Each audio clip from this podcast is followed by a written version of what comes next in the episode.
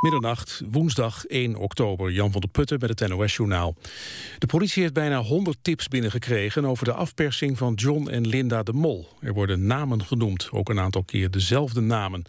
In het tv-programma Opsporing Verzocht was een compositietekening te zien... van een man die bijna twee weken geleden... een doos met gebak liet afleveren bij John de Mol thuis.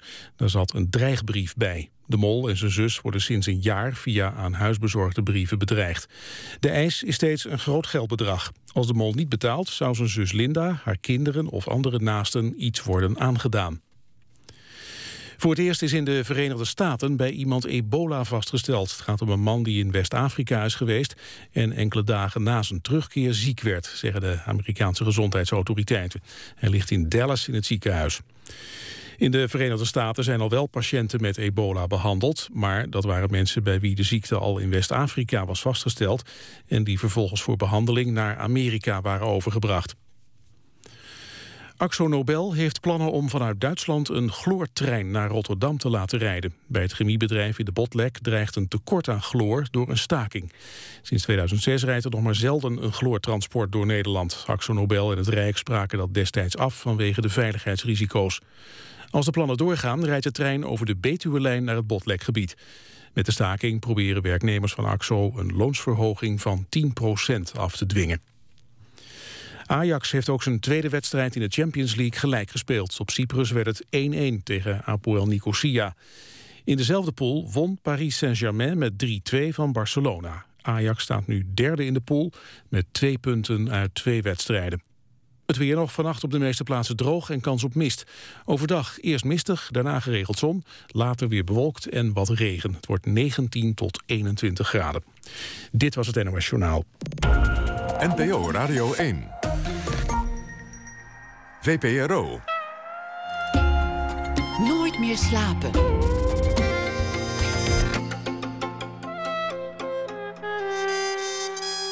Met Pieter van der Wielen. Goedenacht en welkom bij Nooit meer slapen. 4 miljoen dollar voorschot voor een boek. En dat is nog maar het begin van alle sensatie en ophef rond het boek van Lena Dunham. Zij is de vrouw achter de HBO-televisieserie Girls. Een heel succesvolle serie en het uh, boek zit in dezelfde lijn. Aandacht daarvoor na één uur. Dan ook aandacht voor het fenomeen Koetiman. Een onwetende amateurmuzikant die op YouTube iets inspeelt op zijn kamertje... wordt samen met veel andere van die amateurmuzikanten tot een orkest gesmeed. En dat levert bijzondere dingen op. Na één uur aandacht voor zijn album. Maar we beginnen met Giet op de Beek. Kom hier dat ik u kus is de titel van haar tweede boek. Nog maar een jaar na haar debuut, Vele hemels boven de zevende. Met dat boek bestormde zij de Vlaamse letteren. 50.000 exemplaren werden ervan verkocht. Een boek over mensen die elk op hun eigen manier ongelukkig zijn, langs elkaar heen leven, op zoek naar dat vervullende bestaan.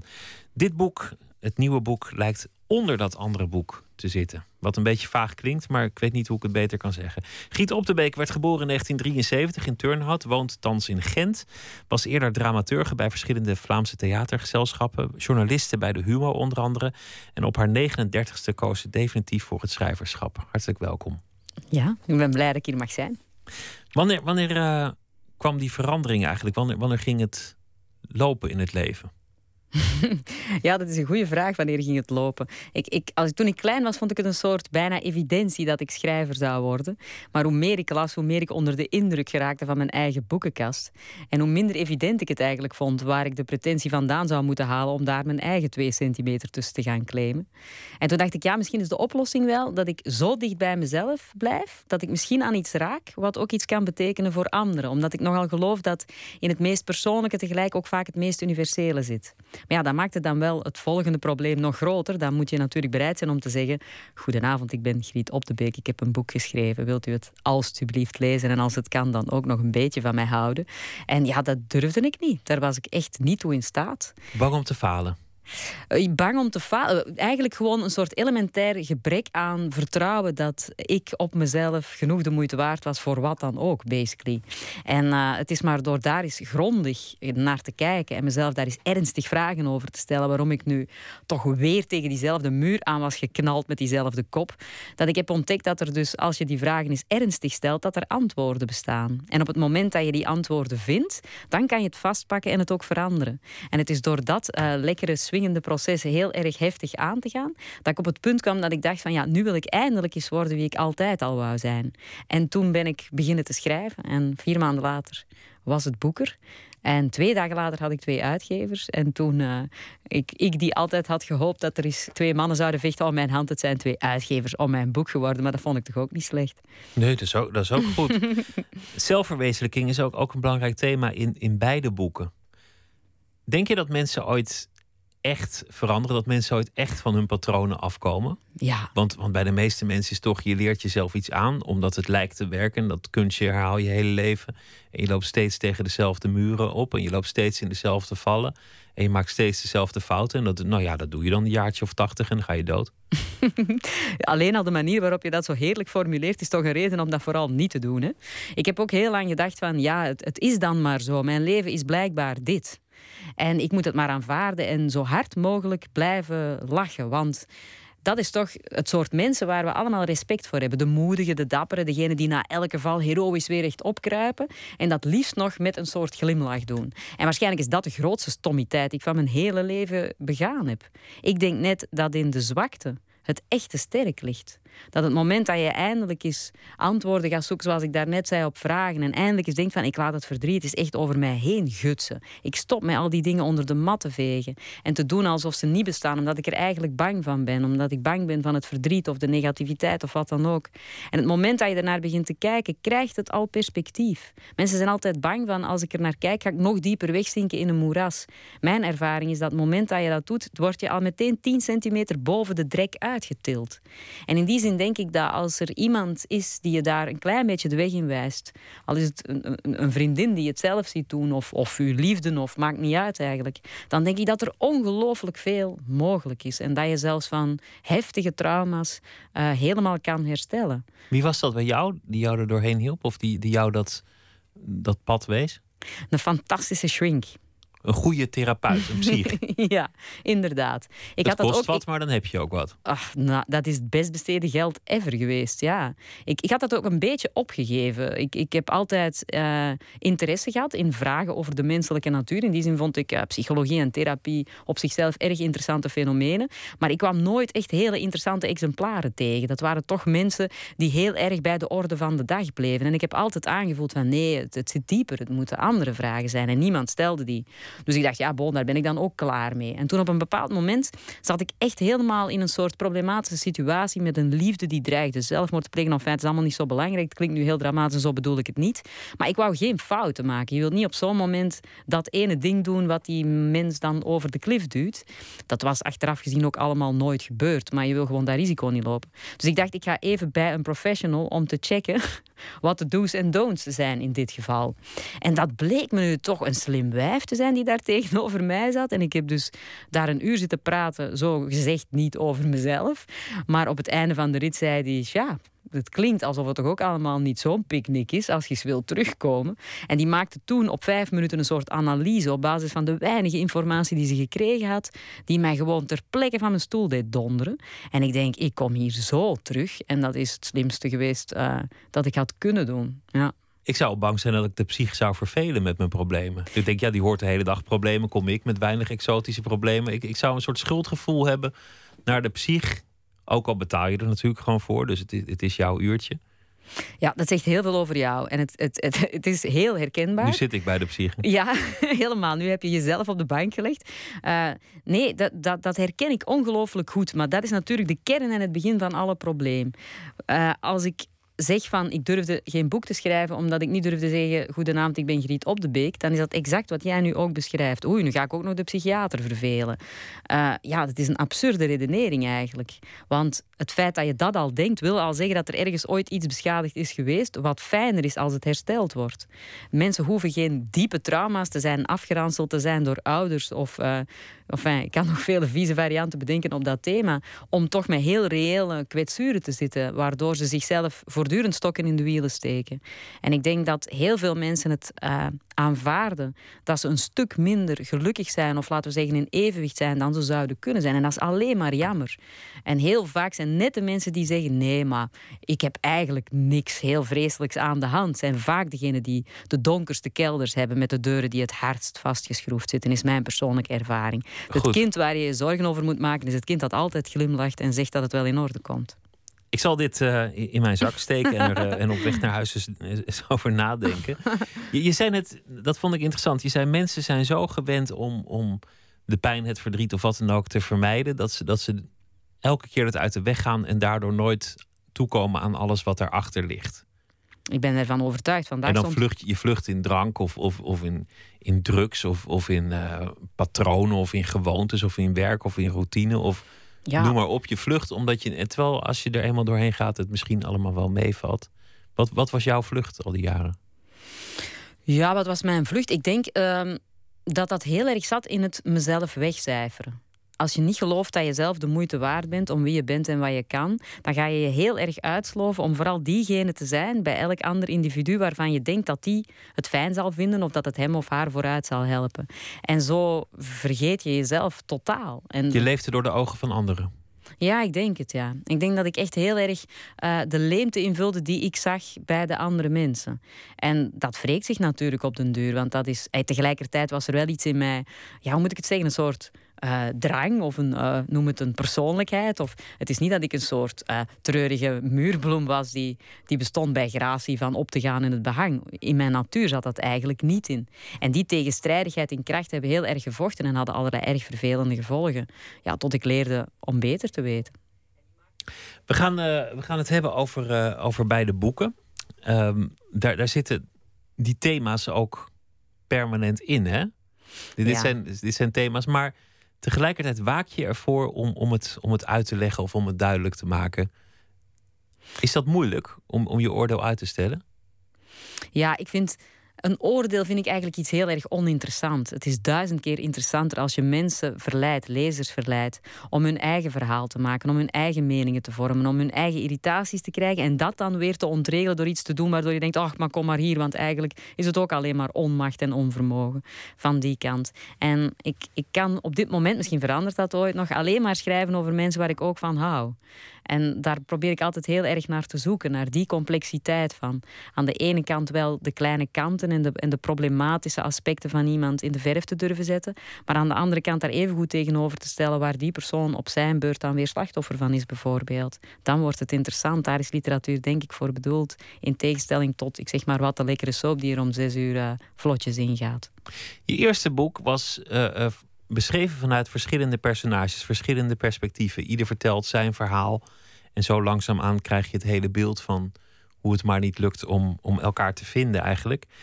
Het tweede boek lijkt, zoals ik het aan het begin al vagelijk formuleerde, maar ik weet niet hoe, hoe je het beter zegt, eronder te liggen. Het lijkt eigenlijk het verhaal onder het vorige boek. Ja. En het komt ook vrij kort na het vorige boek. Ja, het is geen jaar, het is een jaar en negen maanden, wat toch een soort substantieel oh ja. verschil is. En ik, is de heerlijkheid van het, het goed lopen van dat eerste boek is dat ik ook echt niks anders meer hoef te doen dan lekker te schrijven. Dus dan is eigenlijk een jaar en negen maanden best veel tijd om, om een nieuw boek uit te werken. Ik vind het zelf niet zo vreselijk snel in die zin. Uh, maar het is waar, het contrast. Je hebt het, het, in het eerste boek had ik heel erg het gevoel dat door het feit dat je vijf mensen portretteert en elk vanuit de ik-vorm hun eigen verhaal laat vertellen, dat ze onrechtstreeks eigenlijk heel veel informatie blootgeven over waarom die anderen zijn geworden wie ze zijn geworden, zonder dat je moet vervallen in een soort uitleggerigheid waar ik dus een vreselijke hekel aan heb. In het tweede boek had ik zin om, wat wel een beetje het gevolg is van die keuze van die vijf personages, dat je toch een beetje over de dingen heen schuurt. Ik suggereer van alles, ik geef sferen weer, ik geef lijnen aan en mensen moeten een deel van het verhaal nog zelf maken. De keuze om hier voor één personage te gaan en dat op drie fases in haar leven te tonen, is een keuze veel meer de diepte in. En dat vond ik interessant voor mezelf om, om na het eerste boek dan toch weer eens een heel andere bocht te nemen en te kijken wat dat dan zou opleveren je maakt die keuze en dan staan er meteen twee uitgevers in de rij om, om, uh, om het boek uit te brengen. Kort voordat het boek verschijnt, sterft je vader. Dat is ook, ook gebeurd. En vervolgens wordt dat boek in Vlaanderen een reusachtig succes. Het wordt, het wordt gewoon enorm opgetild. En nou ja, ik denk minstens het, het beste debuut van, van Vlaanderen van 2013. Zeker in die verkoopcijfers. Mhm. Dat is toch wonderlijk, hè? Dat, dat je een stap zet en dat het dan meteen allemaal zo gaat lopen. Dat, dat had je niet kunnen verwachten. Nee, dat, als iemand mij dat gezegd had, ik had alleen maar heel erg hard gelachen. En het is inderdaad een heel raar. Mijn vader was iemand die zelf uh, goed schreef eigenlijk. Hij heeft ooit. Hij, zijn grote held was Simon Carmichelt. En uh, hij schreef cursiefjes over zijn ervaring als wijnhandelaar. Is hij heel zijn leven geweest, of toch het grootste stuk van zijn leven. En in die zin had hij wel het gevoel dat hij toch mee een soort verdienste had aan dat boek. In de zin van het talent genetisch te hebben doorgegeven. In die zin is het jammer dat hij het nooit meer heeft kunnen meemaken. Dat het boek er echt was en dat het, dat het ja, warm onthaald is. En, en dan ook nog goed begon te lopen bij mensen. Um, ja, dat, dat, dat, is, dat is een vreemde speling van het lot. Uh, maar je hebt hem eruit voorgelezen. Heeft hij gezegd dat hij trots op je was? Uh, hij heeft nog iets uh, mooiers gezegd, wat ook uh, in het tweede boek is beland, omdat soms de realiteit, ik schrijf geen autobiografische boeken, maar soms zijn er van die zinnetjes waarvan je denkt, ja, hier kan ik nooit overheen in de fictie. Dit is gewoon zo goed. En ik, het was eigenlijk heel mooi. Het was twee dagen voor hij zou sterven. Maar het was op dat moment helemaal niet duidelijk dat het zo snel zou gaan voor niemand. En hij had zelf gevraagd om een lang blok bezoek vrij te houden, want we zaten net op een goed stuk en dan kan ons Griet wat doorlezen. En dat was een soort assertiviteit die we van mijn vader absoluut niet gewend waren. En ik lees een stukje voor en hij valt in slaap, want hij had heel weinig energie nog over op dat moment. En hij wordt wakker en het was al vijf minuten toch voor het volgende bezoek, omdat hij zo lang geslapen had. En hij was helemaal ontregeld van, nu had ik dat speciaal geregeld en nu is het weer niet gelukt. En ik stel hem gerust van, ja maar ik kom terug en ik breng het boek weer mee. Het is allemaal niet erg. En ik draai mij om en ik steek de spullen weg. En in de emotionaliteit van dat moment zegt hij opeens: Wat een ongelooflijk goed idee is dat geweest, zeg, om u te maken. Dat is toch mooi. We gaan luisteren naar, we gaan luisteren naar muziek van uh, Al J. Vorige week is een uh, nieuw album van hem uitgekomen. En de titel daarvan is This Is All Yours. En het liedje dat we draaien is Arrival in Nara.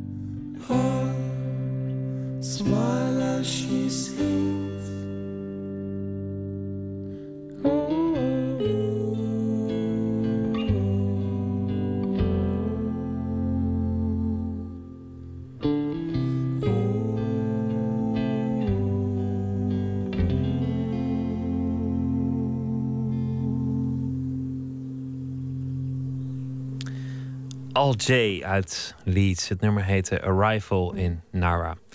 Giet op de beek. We gaan het eh, hebben over het boek. Kom hier dat ik u kus. We hadden het er net al uh, eigenlijk over. Wat kom je, waar kom je eigenlijk vandaan? Wat voor, wat voor uh, gezin kom je eigenlijk uit? Wat, wat is je leven geweest tot nu toe? Waar gaat jouw leven eigenlijk over? Wat, is, wat zijn de thema's in je leven? Wat, wat, wat zijn je. Te veel vragen in één keer. Begin maar met thuis. Hoe was het daar? Um, het was een groot gezin. Er waren vijf kinderen. Uh, vader was uh, een zelfstandige, een ondernemer, zeggen jullie denk ik hier uh, in Nederland. moeder bleef thuis bij de kinderen. De moeder van de drie oudste kinderen is gestorven. En dan is mijn vader hertrouwd met mijn moeder. Dus we zijn eigenlijk twee kinderen uit zeg maar, verschillende groepen. Maar wel samen opgegroeid, dus dat onderscheid speelde eigenlijk verder niet. En ja, wat wil je nog weten? Het was niet een gezin waar liefde, aandacht en waardering zomaar per strekkende meter werden aangeboden. Uh, maar daar vind je dan ook je weg in als kind. Hè? Werd niet per strekkende meter aangeboden, wil dat zeggen dat er altijd iets voor terug moest komen? Dat wil zeggen dat het geen vanzelfsprekend veilige situatie was. En dat elke dag thuiskomen toch even met de spanning was van wat gaan we nu aantreffen.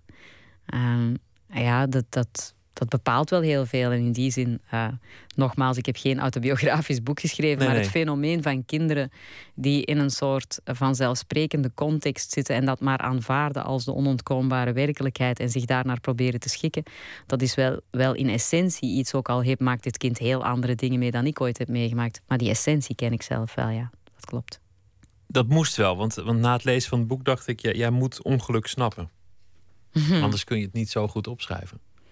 Ja, ze zeggen het altijd, hè, dat een ongelukkige jeugd helpt voor een artiest. In die zin is dat dan ja, misschien nog een soort troostprijs. Want het was natuurlijk wel fijner geweest als dat allemaal niet nodig was. Ik heb toch wel heel veel jaren moeten vechten met, uh, met de littekens die, die ik heb overgehouden aan, aan die jaren. En heel lang ook, wat jij daar straks zei, geminimaliseerd. Maar ik denk dat heel veel mensen dat doen. Dat heel veel mensen hun jeugd romantiseren, idealiseren of minstens minimaliseren. En dat heb ik dus ook heel veel jaren gedaan. Ja, het was niet heel gezellig. En oké, ja, vanaf dat ik negen jaar was, werd ik wel eens uit mijn bedje gehaald. Uh, iets van een twee keer per week. En dan wist ik wat mij te doen stond. Dan uh, moest ik uh, papa kalmeren en mama troosten of omgekeerd. En hoe beter ik dat deed, hoe sneller ik weer naar mijn bed mocht. En ik herinner me dan ook dat ik daar niks bij voelde, behalve de koude vloer aan mijn blote voeten. En dat zijn zo van die verhalen waar je... Ja, het heeft echt geduurd tot een paar jaar geleden... voor ik besefte dat dat misschien toch niet zo heel ideaal was.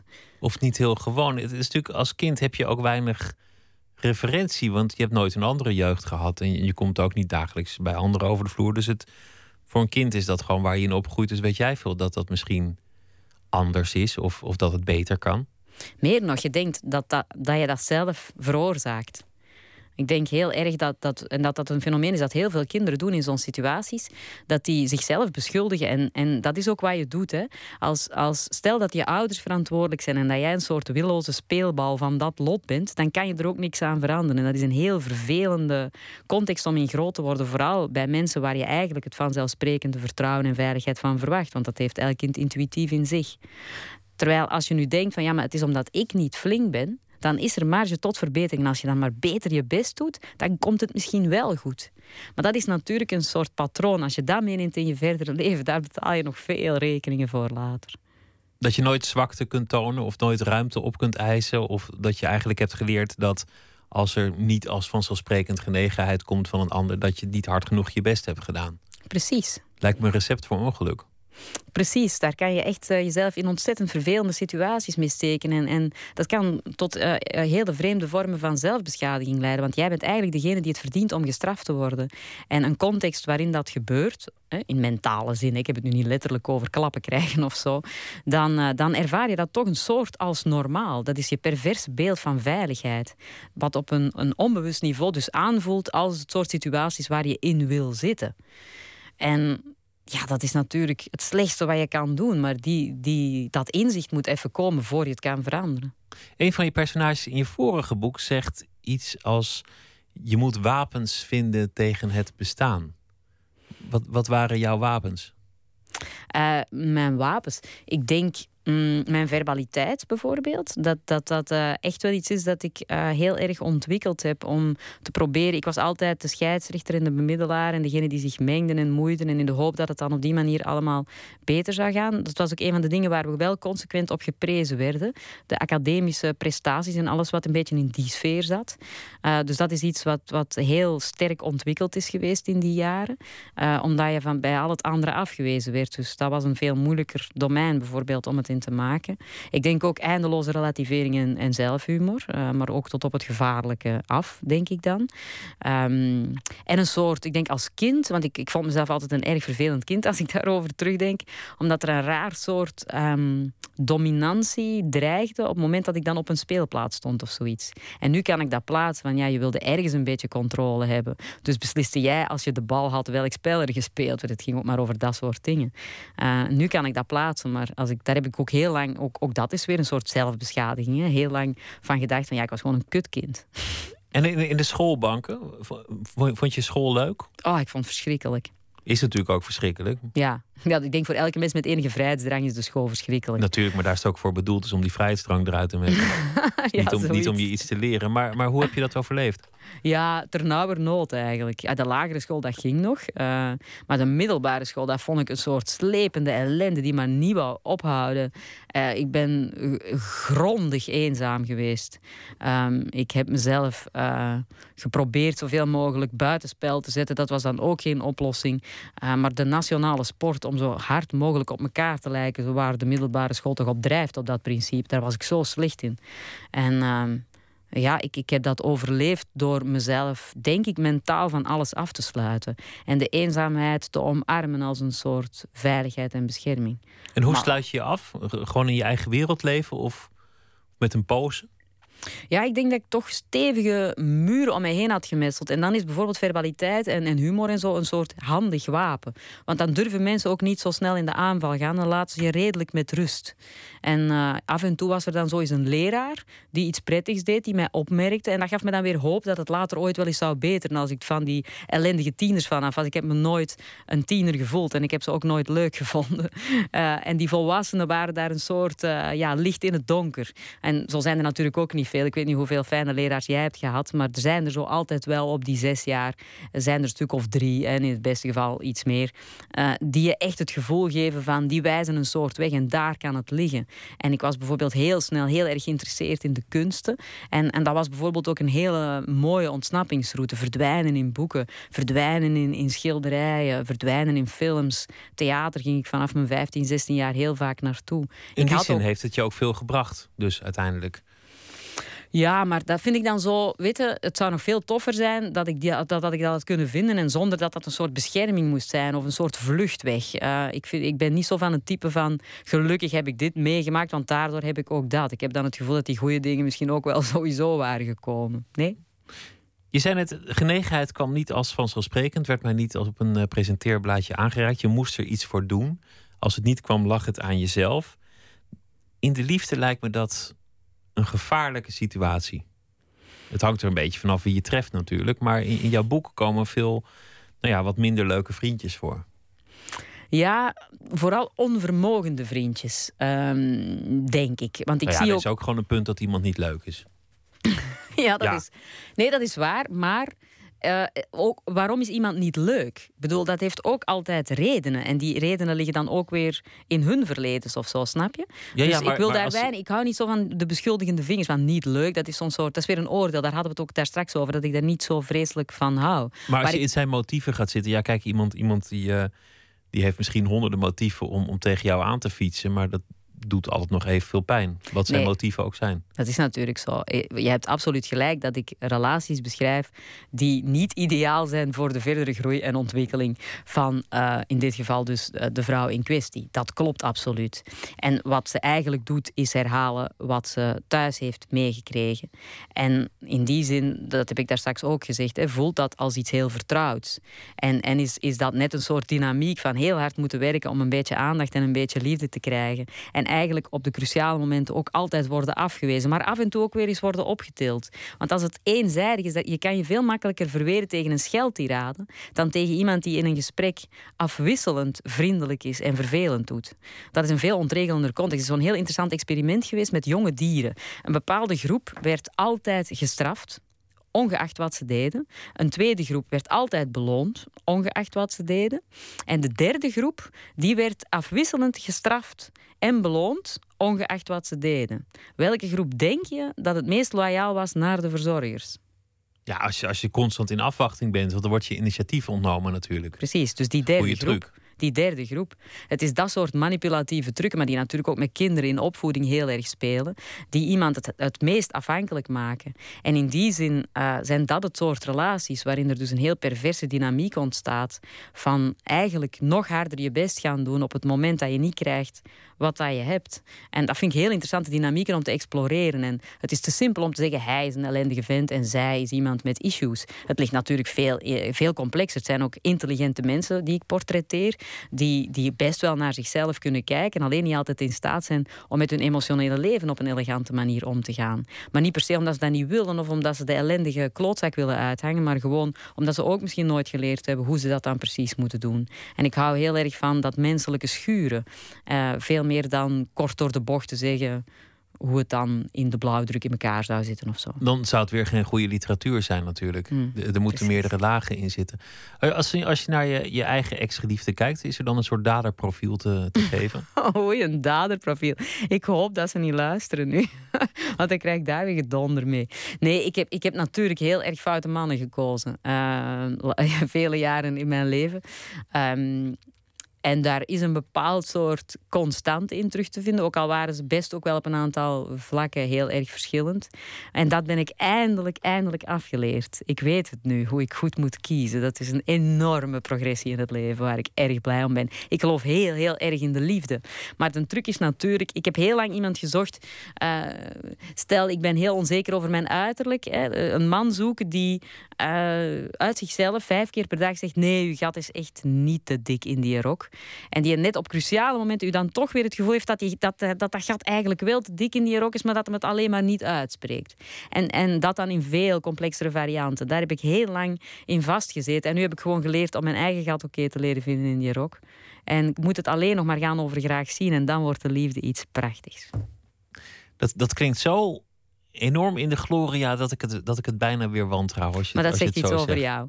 Ja, dat, dat zegt misschien Ja. iets over mij. Dat, Maar, alles maar ja, ik, ik begrijp dat. Hè? jezelf. Ja. Ik begrijp dat, dat mensen daar een soort wantrouwen tegenover hebben. En ik zit niet te zeggen dat het leven dan alleen maar een feestje is. En dat je gevrijwaard bent van alle verdriet. En dat er nooit eens ruzie is over wie de vuilniszakken moet buitenzetten. Maar als de essentie er eentje is waarbij je echt heel dicht bij elkaar kan staan. En in essentie bezig zijn met elkaar verder te helpen op de weg. Dat is al dat ik daar dan zo blij mee ben. Net omdat ik iemand ben die niet meer had verwacht dat dat ooit nog eens zou komen. En dat is misschien het verschil in onze perceptie. Wat was het moment dat je die draai maakt? Want ik vroeg, kunnen mensen ooit van hun patronen afkomen? Of is het gewoon zo dat je eigenlijk alles maar herhaalt omdat het ooit gewerkt heeft? En, en dat, dat rondje draai je dan 80 jaar en, en dan ga je dood. Wat was dan dat moment dat jij een grote omwenteling hebt gemaakt? Ja, ik denk eh, nadat ik ongeveer zo'n soort jaar in therapie was of zo. eh, dan begin je toch eindelijk het wel echt een beetje te snappen. Want in het begin verzet je je natuurlijk tegen alles. Hè. Maar je ging in therapie, dus er is zoiets gebeurd waarom je, waarom je naar die psych toe ging. Ja, ik heb uitgelegd wat de anekdotische aanleiding was. Hè. Dat ik dus niet voor mezelf, maar voor iemand anders. En dat ik gewoon tegen iemand aanbotste waarvan ik dacht... Jezus, jij bent ongelooflijk slim. Hier kan ik echt alleen maar beter van worden. En we zien wel waar we uitkomen. En ik voelde wel aan dat, eh, dat het leven niet helemaal zijn volle potentie had of zoiets. En dat, dat mijn ogenschijnlijke... Met mij gaat alles goed. Want dat was denk ik het beeld dat mensen die mij niet heel goed kenden... wel van mij hadden. Iemand die weet wat ze willen. Die zich niet zomaar onder tafel laat lullen. En die een best interessant professioneel leven heeft en al dat soort dingen. Maar ergens wist ik natuurlijk voor mezelf wel dat daar een soort bodem onder zat van angstig wegkruipen tegen de muren omhoog. Wat ik tegen niemand vertelde, maar wat wel mijn realiteit was, waar ik toch heel vaak in zat. En ik hoopte natuurlijk dat daar een, eh, een weg naar buiten was. En door die, die therapeut te ontmoeten, werd dat ineens een soort reële optie. Ja, vrolijker wordt een mens niet van bepaalde perspectieven. En eh, ja, ik moet echt zeggen dat nu ik een stuk verder sta, dat ik dus ook echt aan de lijf heb mogen ondervinden. Uh, wat een weg dat je kan afleggen. Als ik mezelf nu vergelijk met pakweg drie jaar geleden, dat is werkelijk dag en nacht. Ja, echt. Zijn er momenten van terugval? Ja, uh, het leven vrijwaart je nooit van eh, verdriet en van. Hè, het is niet omdat je eindelijk grond onder je voeten hebt waar je op durft te gaan staan en te zeggen: Dit is mijn stukje en ik heb hier recht op en ik verdien dat. Dat is al heel veel. Hè. Dan sta je al veel steviger van het moment dat er dan toch onheil over je heen komt gebliksemd. Maar er gebeuren natuurlijk nog altijd dingen. En in die zin is het uh, natuurlijk niet zo dat ik al helemaal aan het einde van de weg ben. Ik moet nog altijd een beetje leren om lief te zijn voor mijn eigen weken delen.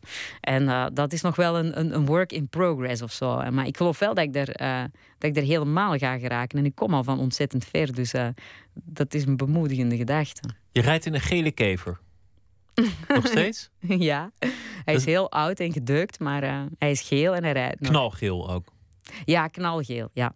Dat, ja. dat, dat, vind ik al mooi, want dat, dat, is al, dat is al voor iemand die zegt moeite te hebben om de ruimte te nemen, is dat natuurlijk al het begin. Dat je, dat je gewoon komt aanrijden in een knalgele kever. Ja, maar ik ben nooit een soort trut geweest. Ik, was, ik zeg het, ik was niet zo het meisje dat zich kleedde in het eeuwige beige of zo. Dat heb ik, daar heb ik nooit last van gehad.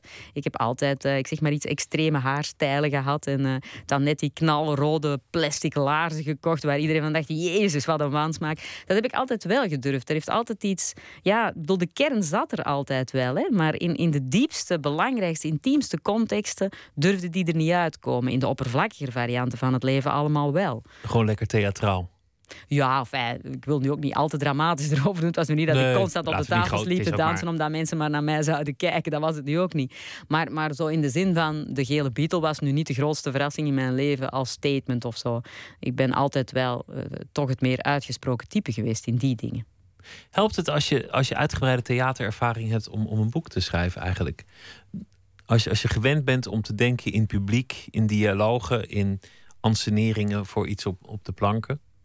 Ja, ik vermoed van wel. Je weet dat natuurlijk nooit echt. Hè. Waar komt het allemaal vandaan? Waar? Ik bedoel, uh, je zit te schrijven en ik, ik vind mezelf altijd als schrijver intelligenter dan als mens. En achteraf ontdek je altijd maar ten diepste wat je eigenlijk hebt geschreven. En er komen dingen aan waar je uit het echte leven, uit observaties domweg op straat, uit de kunsten die je hebt gezien. Maar dus het feit dat ik tien jaar in repetitiekoten heb gezeten, waar ik mensen elegant en eloquent ruzie zag maken met woorden van grote klassieke schrijvers, ja, dat heeft zeker niet, niet geholpen. Daar ben ik wel ten diepste van overtuigd. En ik ben wel heel erg gevoelig aan geloofwaardigheid van situaties en zo. Ik wil een gesprek echt geloven. En dat is wel iets wat je, wat je ook leert als je theater wilt maken, dat het daar en dan voor mensen moet kunnen werken. Dus in die zin denk ik wel dat het een impact heeft gehad. Maar ik ben er ook van overtuigd dat de goede schilderijen die ik heb gezien een ongelooflijke impact hebben gehad. En dat de films betekenis hebben gehad. En dat de boeken die ik heb gelezen betekenis hebben gehad. En dat de, de vrouwtjes die ik op straat zag en waar ik me een heel verhaal bij verbeelde van waarom ze eh, eenzaam op straat liepen te schuiven en hun hondje zo lang laten snuffelen dat je denkt zit er een ellendige man thuis of is ze gewoon eenzaam en hoopt dat er nog iemand met een hondje komt. Of dat soort neiging tot verbeelding heb ik denk ik van jongs af aan gehad omdat dat ook weer een soort pret vluchtweg was. En ik denk dat al die dingen eigenlijk allemaal min of meer even belangrijk zijn geweest. En de journalistiek, want, want dat is natuurlijk. Heel veel journalisten die hopen ooit een roman te schrijven, of, of die hebben het ooit gedaan en het heeft misschien niet gewerkt. Het is toch een soort afgeleid genre. Je hebt dat heel lang bedreven en, en redelijk ijverig ook wel. Ja, ik heb het acht jaar gedaan. En ik, heb nooit, ik ben nooit zo de dagjournalist geweest. Dat interesseerde me ook helemaal geen fuck. Zo het, uh, wat is het heetst van de naald? En ik check 17 websites per dag. Van. Dat, dat is nooit mijn dynamiek geweest. Ik heb altijd de grote interviews gedaan. Op twee krantenpagina's, lekker doorgaan met iemand, veelal artiesten. En dat vond ik, ik vond het wel een mooi beroep eigenlijk. Ik leerde altijd mensen meteen in de diepte kennen. En ik heb ook ontdekt hoe leuk mensen het vinden om hun verhaal te doen als je maar bereid bent om echt oprecht geïnteresseerd vragen te stellen. Dus ik heb dat met ongelooflijk veel liefde en plezier gedaan. Tegelijk was het zeer zeker een soort lafhartige vluchtweg. Ik verstopte mij achter de woorden van anderen die ik probeerde zo goed mogelijk en vaak beter op te schrijven dan mensen ze in de feiten dan uitspraken.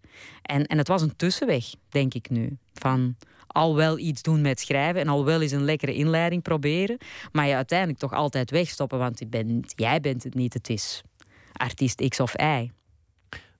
En nu ben je definitief schrijver? Als het even mag, ja.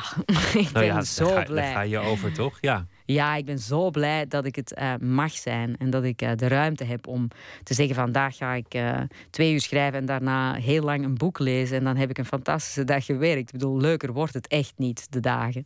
Um, dus het, het, het, is iets, ik, ik, ik, kan niet meer zonder. Ik doe het ook elke dag. dan voel ik me beter als het gebeurd is. Ik ben ook niet de type gekwelde schrijver. Ik vind het eigenlijk altijd prettig om achter die computer te gaan zitten en iets te doen. En ik gooi dan ook regelmatig heel de hele stukken weg. Ik heb in het geval van Comira Dikke Kus letterlijk een half boek weggegooid op een bepaald moment. Het was een heel wijze beslissing. Daar loop ik dan een half dagje ongelukkig over, maar dan is het alweer over. Uh, ja, het, ik, vind het, ik vind het zo heerlijk om het te mogen. We gaan weer luisteren naar uh, muziek, dit keer van uh, Carrie Cleveland, een soulzangeres uit Oakland, California. Ze heeft één plaat maar gemaakt, Looking Up, in 1980. En het liedje dat wij gaan luisteren is Love Will Set You Free.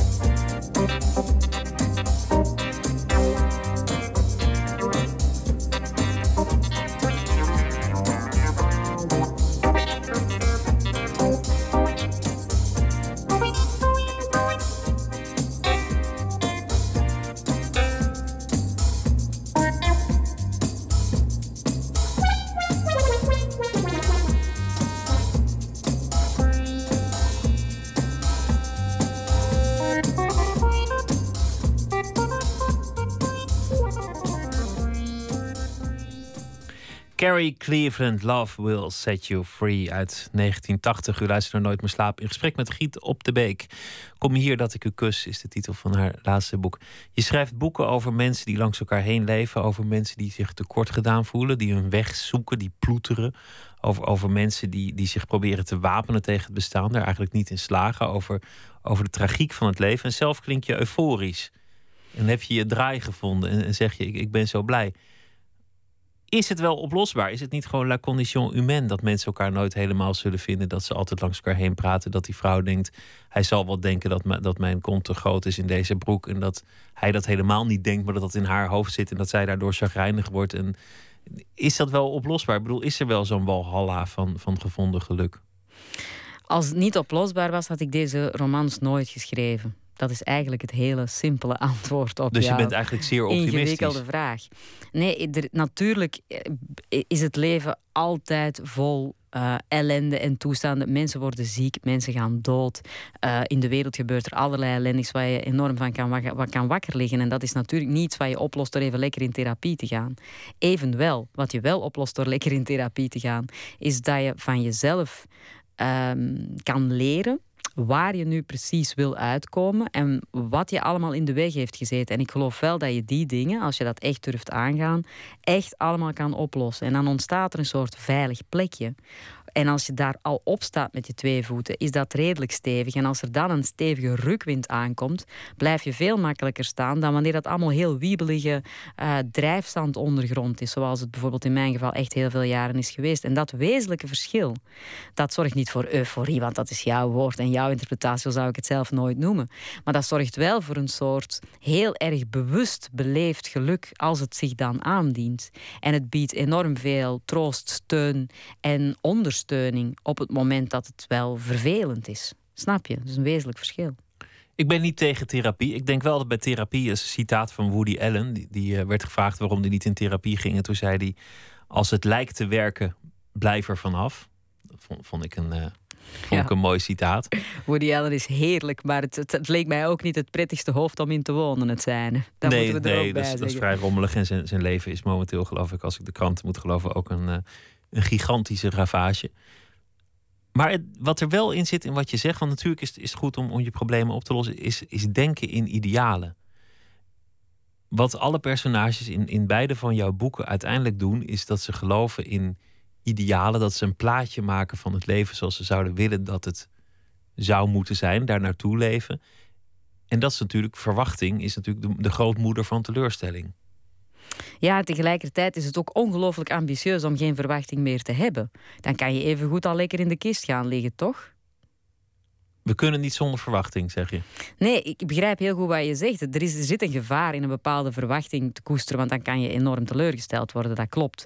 Maar er is een verschil tussen een soort verwachting waar je op een, een krampachtige manier naar streeft en het, het, leven wordt alleen maar leuk als dat de uiteindelijke doel bereikt wordt. Of je zegt, daar is de weg en ik zie, ik, kijk, ik zie dat fantastische landschap en daar wil ik uitkomen, maar ondertussen wel heel bewust in het hier en nu elke stap op de weg zetten.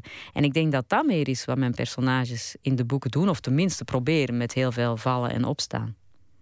Ik vrees altijd een beetje het, het beeld van help mijn man is een klusser. Dat je, dat je altijd maar toewerkt naar dat ene ideaal terwijl je huis al tien jaar in stof zit. Juist omdat je dat ideaal hebt gekoesterd van, van het perfecte huis. Maar mijn ideaal is helemaal niet zo utopisch of zo. Mijn ideaal zit hem heel erg in. Ik ga nu stoppen met mezelf pijn te doen. Ik ga eens proberen te leren te geloven dat goede dingen mij kunnen overkomen. En als dat gebeurt, dat ik die dan ook gewoon verdien. Uh, het zijn hele simpele dingen. Maar simpele dingen zijn natuurlijk grote verworvenheden als je tien jaar geleden niet dacht dat dat ooit nog voor jou was weggelegd. Ik geloof heel erg dat je uh, extra leert te appreciëren wat je ten goede tegemoet komt waaien op het moment dat je van ver komt. Ja.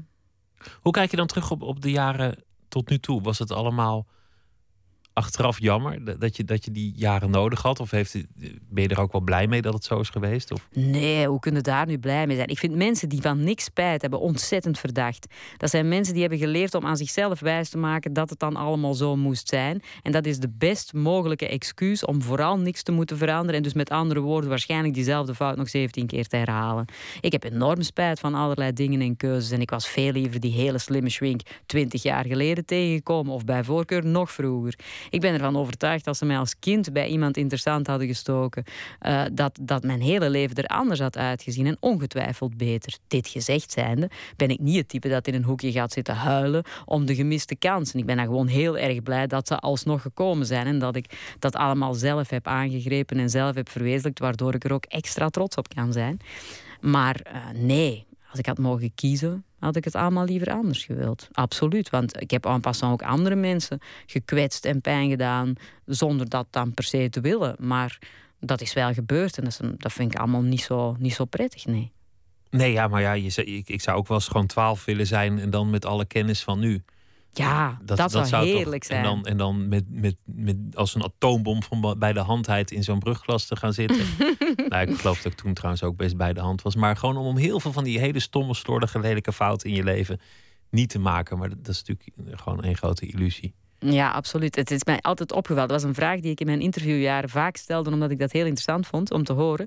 Van, uh, zou je het overdoen en zou je dan dingen anders doen? De overgrote meerderheid van mensen zegt, ik zou het precies hetzelfde doen, want de goede dingen heb ik ook maar kunnen verwerven door de ellende door te maken. En zo dan denk ik altijd, oh, dat, vind ik, dat zie ik helemaal niet zo voor mezelf. Ja.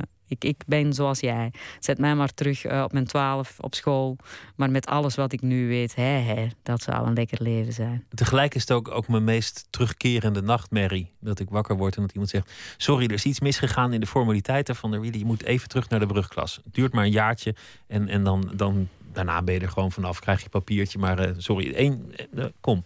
Ja, we waren het er enorm over eens dat middelbare school, zoals wij het in België noemen, dat dat echt niet de fijnste periode van het leven is. Dus als ze zouden zeggen, wil je opnieuw, dan zou ik toch ook bij voorkeur in de studentenjaren beginnen, waar je had mogen kiezen voor datgene wat je fascineerde en waar je een beetje gelijkgestemde zielen kon vinden. Vanaf toen werd het toch allemaal een stuk uh, minder onaangenaam en had je meer zelf in de hand. Ik vind alle situaties waarin je afhankelijk bent van andere mensen, per definitie tamelijk vervelend en potentieel gevaarlijk. Dus ik zou ook nooit terug willen naar mijn twaalfde, nee. Kortom, uh, liefde was thuis niet vanzelfsprekend. Uh, je, je bent erin opgegroeid en daarin heb je jezelf bepaalde dingen aangeleerd en niet geleerd om de ruimte voor jezelf te nemen. Dat kwam pas veel later, na meerdere carrières en mislukte liefdes. En uiteindelijk vond je je weg, terwijl je eigenlijk zei van ik wist al vanaf het begin dat ik schrijver moest worden. En het is met een wonderlijk groot succes geworden. Maar je zegt van ja, misschien heb ik er wel veel van geleerd. Maar ik had het liever anders gedaan. Maar vanaf nu sta ik hier. En ik hoop dat het leven mij veel zal brengen als schrijver. Want als het aan mij ligt, dan blijf ik gewoon schrijven. En je roept iedereen op om niet bang te zijn voor zelfverwezenlijking en de pijn niet uit de weg te gaan. Ja, ik geloof heel erg dat je ongelooflijk de vruchten kan plukken als je eens stil blijft staan. En uh, en door je eigen zwaktes uh, heen durft bijten. Er is helemaal niks mis met eens te zeggen dat het niet meer gaat en dat het stopt en dat het allemaal pijn doet en schuurt. Uh, ik heb een paar mensen in de omgeving geweten, tamelijk recent nog, die zelfmoord hebben gepleegd. Omdat ze niet in staat waren om dat te vertellen. Mensen die compleet geschokt waren van, jij was vorige week nog op een feestje. En hij liep te drinken als de beesten en hij maakte grapjes. En een week later heeft hij zich opgehangen. Dat is toch vreselijk dat zo'n dingen gebeuren. En dat zie je heel vaak. We denken allemaal dat we alleen staan in onze diepste pijn en ons grootste verdriet. En ik denk dat er niks is wat ons meer verbindt. En als iedereen nu daar wat opener en eerlijker over is en zich stopt met zich te schamen over dat soort kwetsbaarheden, dan denk ik dat we allemaal een stap vooruit zijn. Nee? Mooi gezegd. Dankjewel, Giet op de Week. Kom hier dat ik u kus is de titel van het uh, boek. Dank dat je te gast wilde zijn aandacht voor een uh, film, want er zijn kaartjes uh, te winnen. De Volkskrant die, uh, was heel enthousiast, vijf sterren, noemde het de Gouden Palm in Cannes, die terecht was. Ook lovende recensies in de VPRO-gids en in nog wat van die bladen. Waar ik het over heb is de speelfilm Winter Sleep van de Turkse regisseur Nuri Bilge Ceylan. Dit jaar won hij dus de belangrijkste filmprijs in Cannes. Hij is heden te zien in de bioscoop en u kunt vrijkaarten winnen uit deze film. Er zit ook een mooi stuk muziek in. Schubert Piano Sonate nummer 20 in A, D959 2. En als u die kaartjes wilt, dan kunt u mailen naar nooitmeerslapen.vpro.nl. We draaien een stukje van die muziek van Schubert.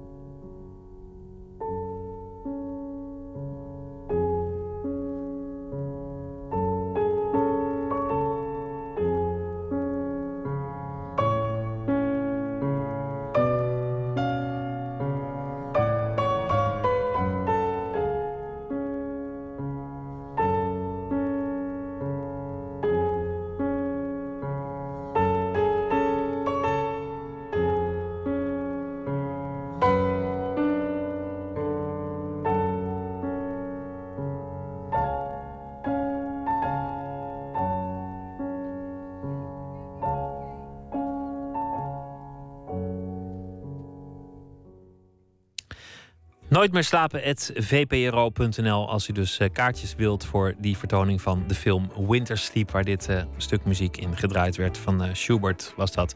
Nooit meer slapen gaat zo meteen verder. Twitter, VPRO-NMS of jullie wil nooit meer slapen, VPRO.nl. En straks gaan we het hebben over um, nou, heel veel dingen. En Astronomie Perquin die schrijft deze week elke dag een verhaal en draagt zometeen na één uur voor. Graag tot zometeen.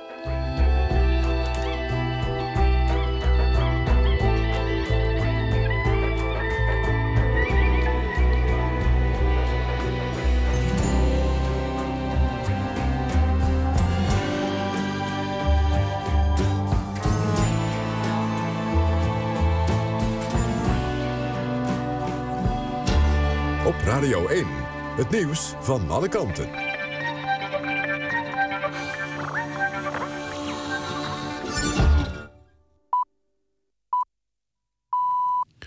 1 uur, Jan van der Putten met het NOS-journaal. De politie heeft in een paar uur tijd bijna 100 tips binnengekregen... over de bedreiging van John en Linda de Mol. Er worden namen genoemd, ook een aantal keer dezelfde namen. In het tv-programma Opsporing Verzocht was gisteravond een compositietekening te zien van een man die bijna twee weken geleden een doos met gebak liet afleveren bij John de Mol thuis. Daar zat een dreigbrief bij. De Mol en zijn zus worden sinds een jaar via aan huis bezorgde brieven bedreigd. De eis is steeds een groot geldbedrag. Als de Mol niet betaalt, zou zijn zus Linda, haar kinderen of andere naasten iets worden aangedaan. Voor het eerst is in de Verenigde Staten bij iemand ebola vastgesteld. Het gaat om een man die in West-Afrika is geweest... en enkele dagen na zijn terugkeer ziek werd, zeggen de Amerikaanse gezondheidsautoriteiten. Hij ligt in Dallas in het ziekenhuis. In de Verenigde Staten zijn al wel patiënten met ebola behandeld... maar dat waren mensen bij wie de ziekte al in West-Afrika was vastgesteld... en die vervolgens voor behandeling naar Amerika waren overgebracht. Axo Nobel heeft plannen om vanuit Duitsland een chloortrein naar Rotterdam te laten rijden.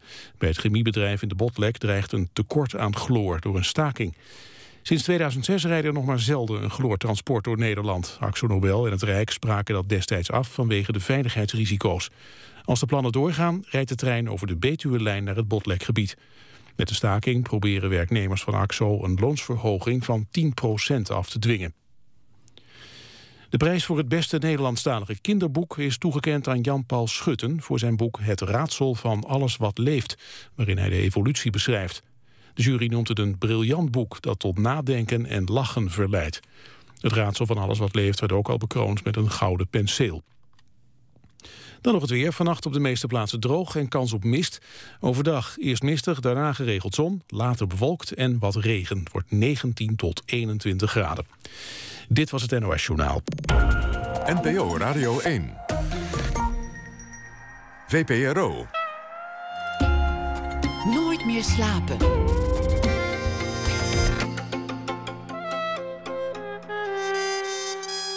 Met Pieter van der Wielen. U luistert naar Nooit meer slapen. Esther Naomi Perquin schrijft deze week elke dag een verhaal voor ons op basis van de afgelopen dag.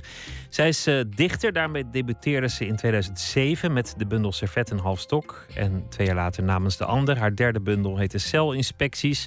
Werd vorig jaar bekroond met de VSB Poëzieprijs. En ze is een aantal jaren stadsdichter van Rotterdam geweest. En volgende maand komt haar nieuwe verhalenbundel uit. Binnenkort in dit theater. Esther Naomi Perquin, goeienacht. Goeienacht. Wat was het voor dag? Het was een, uh, ik vond het een mooie dag. Oké, ja, het was een mooie dag, ja. Het was een, uh, aan alle kanten vond ik het eigenlijk een mooie dag. Er was ook uh, heel veel sappig nieuws met Linda de Mol en afpersingen en zo. Nou, dat, dat heb ik dan links laten liggen. Maar dat is natuurlijk wel nieuws waar je altijd nog eens fijn aan kan gaan kluiven als je daar zin in krijgt. Ehm, dat heeft ons land wel nodig, vind ik. En wat ik heel inspirerend vond vandaag was een prachtige foto's uit Hongkong waar protesten plaatsvinden. En uh, nou, daar zag je dus duizenden demonstranten met z'n allen hun mobieltje omhoog houden... als een soort moderne variant op een lampionnenoptocht. En ik vind dat altijd heel indrukwekkend dat iemand in zo'n massa uh, op kan gaan. Heb jij, heb jij ooit gedemonstreerd voor of tegen iets? Nou, ik, ik ben, ben als kind wel eens door mijn ouders meegesleurd in zo'n demonstratie tegen de atoombom. Ik wist niet eens wat het was, een atoombom. Maar dan moest ik meelopen. En ik weet vooral nog dat het ontzettend lang lopen was. Ja. En dat ik aan het eind dacht van hoe erg kan zo'n atoombom nou helemaal zijn? Vergeleken met zo'n erger dan een demonstratie, dacht je? Ja, precies. En dan had mijn, mijn moeder, die, die had dan, had dan ja, dit is eigenlijk gênant. Maar goed, ik, ik, ik ben al begonnen met de anekdotes. Ja, hem, die had dan een spandoek gemaakt, want, want je had dan de slogan van beter een, een raket in de tuin dan een Rus in de keuken. En dan had zij dan de grap opgeschreven die niemand begreep en die ook niet op het spandoek paste. Van de Russen kunnen anders heel lekker koken. En die moest ik dan omhoog houden. Goed. Dit is een fantastisch verhaal. Het is een ontzettend leuke moeder ook. Nee. ja, nee, het is een leuke moeder, maar op dat moment niet. Nee. Ja. nee.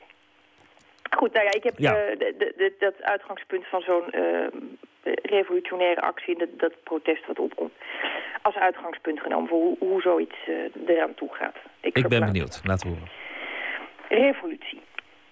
Ik heb vrienden in het buitenland die me vragen hoe het werkt. Waar zoiets begint, wie wie aansteekt. Ze vragen dit vanuit hun hoofden en dat zijn hoofden waarin een ik zit. Een uitstekend opgeleid, multifunctioneel, cosmopolitisch ik. Een ik dat me lief is, maar een ik. Dit moet ik beter formuleren. Wij hebben onszelf van jongs af aan afgeleerd terwijl zij zichzelf aanleerden. Wij zijn geneigd tot een wij, zij zijn geneigd tot zichzelf. Ik spreek geen oordeel uit, ik doe niet aan karakterduiding van landen of culturen... Mijn benen zijn te kort om over de geschiedenis heen te stappen. Ik probeer alleen te zeggen hoe wij dit bekijken. Mijn vrienden in het buitenland vragen me wie dit organiseert. Wie de aftrap geeft. Ik leg uit dat wij zijn als een school vissen. Hoe we altijd samen zwemmen en elkaars beweging voelen... al reageren voor de beweging plaats heeft. Je schikt in, zeg ik. Het is krap. Wij zijn ons volk. We staan uit ons volk je schikt in tot je samenvalt. Eén vriend is werkelijk boos. Zijn stem blaft s'nachts uit mijn Nokia. Hij beweert dat juist die inschikkelijkheid van ons het probleem veroorzaakt heeft. Jullie zijn altijd zo verdomd keurig geweest, zo gehoorzaam. Hij spuugt bijna. En jullie hebben je inwisselbaar laten maken, zegt hij. En ik ben bezorgd omdat hij suggereert dat het in zijn land anders is. Omdat hij spreekt over jullie omdat hij spreekt over tijd als iets dat kan breken. Terwijl tijd iets is dat stroomt, rotsen vermijdt, kronkelt door de ziel. Ik ben bezorgd omdat hij wel beter weet, mijn vriend. Ik zeg hem wat ze zien. De handhavers, het leger, de politie. Wat ze zien, zeg ik, is de massa. Dus hoe zouden wij iets anders kunnen zijn dan dat? En hoe zouden wij ons doel bereiken als we iets anders waren? Mijn vriend zwijgt nu. Hij weet dat ook zijn benen te kort zijn om over de geschiedenis heen te stappen. Wij zwijgen samen. Het is een zwijgen vol ongemak, vol kennis die tekort schiet. Maar we houden de lijn open. We drukken onze telefoons tegen onze oren, elk in eigen land. En we luisteren. Het heeft ook de sfeer van zo'n demonstratie. Heb jij eigenlijk wel eens gedemonstreerd? Nou, ik, nee. Um, ik, dat is ook een van de redenen waarom het me altijd ontzettend fascineert. Ik ben ooit per ongeluk in een uh, demonstratie van leraren terechtgekomen. Ja, het is ook een doelgroep waarvan je dan niet echt spannende dingen verwacht. En ik vond het voornamelijk beangstigend. Ik had een verkeerde trein en ik, moest, kwam het station uit en ik kwam in die groep terecht. En uh, ik, ik vind massa's altijd griezelig, maar ja, dat zelfs, uh, dit waren gewoon meesters en juffen, maar die, die, waren uitzinnig. Mensen schreeuwden, speeksel vlogen rond. Het was heel uh, wild in mijn herinnering. Uh, en tegelijkertijd natuurlijk, ja, we leven wel in een wereld waar iedereen zijn, zijn betrokkenheid kenmerkt door iets aan te klikken. Maar dat vind, ik, dat vind ik nog het engste. Een, een menigte die het allemaal met elkaar eens zijn. Die er ook allemaal een beetje gezellig staan omdat ze het met elkaar eens zijn. Dat, dat, daar heb ik een enorme afkeer van. Ja, nou ja, ik denk dat dat ons uh, probleem in het algemeen wel is. En ik ken ook mensen die heel terecht zeggen... Uh, maar het gaat op dat moment niet om jou. Het gaat niet om jouw individuele smaakje of ideetje. Het gaat om het grotere belang en dat moet je kunnen. Nou, daar, daar zit heel veel moois in, vind ik. Maar ook iets griezeligs. De, en, en daar kom ik ook niet helemaal uit. Nee, ik ben een keer per ongeluk beland in een, in een demonstratie... waar ik ook niet in meeliep. En, en die een beetje uit de hand liep. Dat de ME met water ging spuiten en dat soort dingen. Dat vond ik ook, vond ik ook gewoon een beetje eng. Ik hou er niet van. Dus ik vind het ook niet van deze tijd. Ik bedoel, ik wil wel iets aanklikken op Facebook of zoiets. Maar om, om, om te gaan demonstreren, ik vind het... Ik heb er niks ik, mee. Uh, ik zit niet eens op Facebook. Dus van mij moet de wereld het helemaal niet hebben, vrees ik. Nou ja, je kan protestgedichten schrijven. Ik bedoel, daar, daar zijn hele regeringen opgevallen hoor. Ja, nou ja, laten we, dat eens, uh, laten we, laten we daar eens uh, ons aan vastklampen dan. Dat, dat is misschien wel een mooi idee dat dat nog mogelijk is in Nederland. Ja. Esther, dankjewel. Morgen weer een verhaal. En, uh, en voor nu wens ik je een hele goede nacht. Ik jou ook. Ze is pas 16 jaar oud, ziet eruit als een klein jongetje. Komt uit Londonderry. Ik heb het over de Ierse zanger en uh, songwriter Bridie Mans Watson. Ze noemt zichzelf in het dagelijks leven Soak. Ze heeft nog geen album, maar wel een liedje. A Nobody.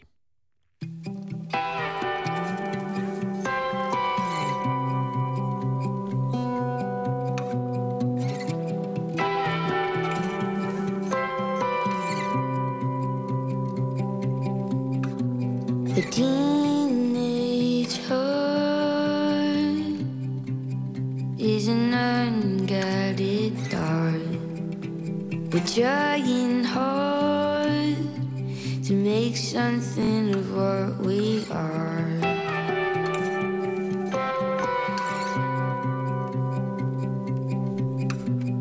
I am trapped between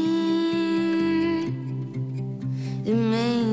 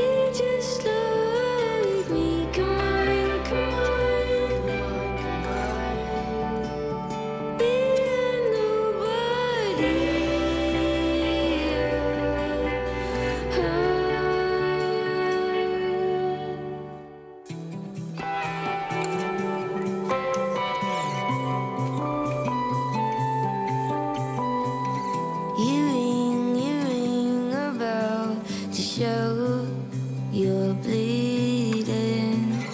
I watched, I saw your mind fall out of your head. Weekends and cheap thrills. Risk it all for an itch of fun.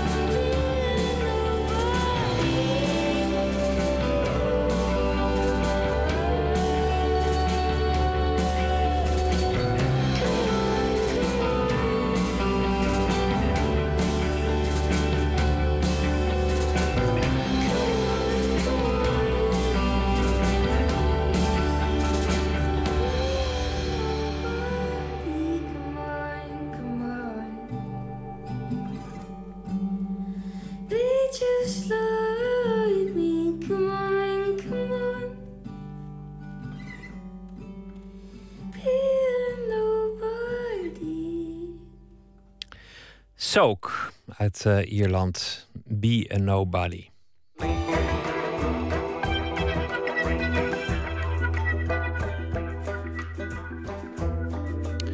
Museumbezoek in cijfers. De gemiddelde bezoeker brengt zo'n twee uur door in het museum, kijkt ongeveer negen seconden naar één kunstwerk. Tja, wat blijft er dan hangen van wat eh, de museumbezoeker ziet? Cultuuradviseur Johan Idema denkt dat dat niet veel is. Hij schreef een aantal praktische tips op om meer uit museumbezoek te halen. Het werd een boek, How to Visit an Art Museum. Verslaggever Jan-Paul de Bond neemt samen met hem de proef op de som en bezoekt een willekeurig museum. En dat werd dan het Stedelijk Museum in Amsterdam.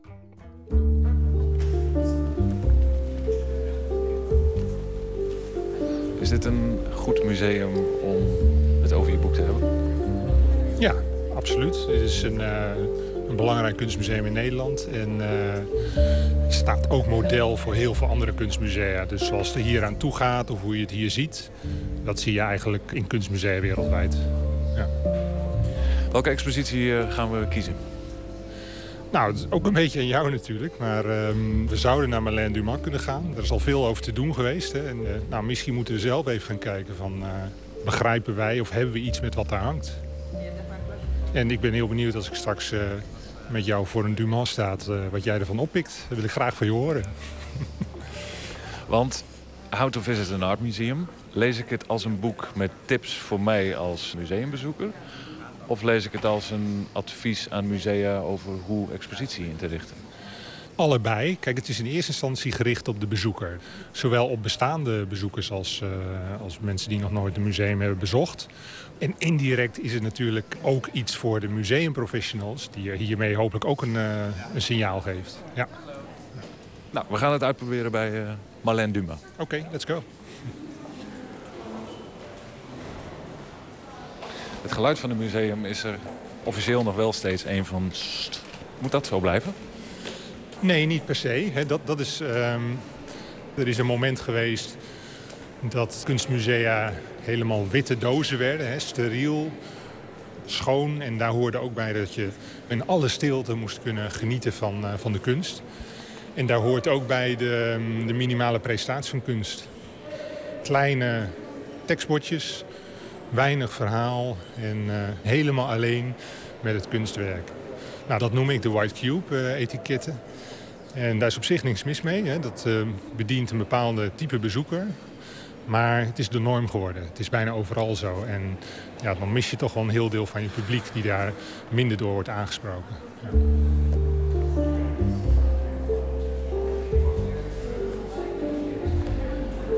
Wat ik heel leuk vond is dat je speciaal een kort hoofdstuk wijdt aan... kijk eens hoe kinderen in een museum kunst tot zich nemen. Ja, dat, dat is, bedoel, het is niet alleen grappig bedoeld. Er zit wel het idee achter van eh, op zo'n manier kijken, op zo'n manier met iemand, hè, met een kind rondlopen. Dat is weer een hele andere ingang om naar kunst te kijken. En kijk, intuïtieve zitten niet vast in bepaalde denkpatronen. Heel interessant is ook, eh, tot vijf of zes jaar hebben ze geen moeite met abstractie. Daarna zeggen ze opeens, hé, hey, wat gek, die, die hand van die man klopt niet. Of, eh, maar daarvoor is alles gewoon logisch, alles kan. Dus eigenlijk zou je naar een museum moeten kunnen gaan... en dat je een, eh, een kindergids kan uren. En die gaat een uur met je door het museum. Nou, vijf jaar, zes jaar. En dat je met zo iemand dus gaat kijken naar de schilderijen. Want hoe hou jij zelf je medebezoekers in de gaten als je een museum bezoekt? Ga je wel eens speciaal daarvoor? Ja, nou zo is dit begonnen, dit boekje. Want ehm, als ik dat zo zie, hoe bezoekers zich door een musea bewegen... althans veel bezoekers, komt die kunst wel binnen.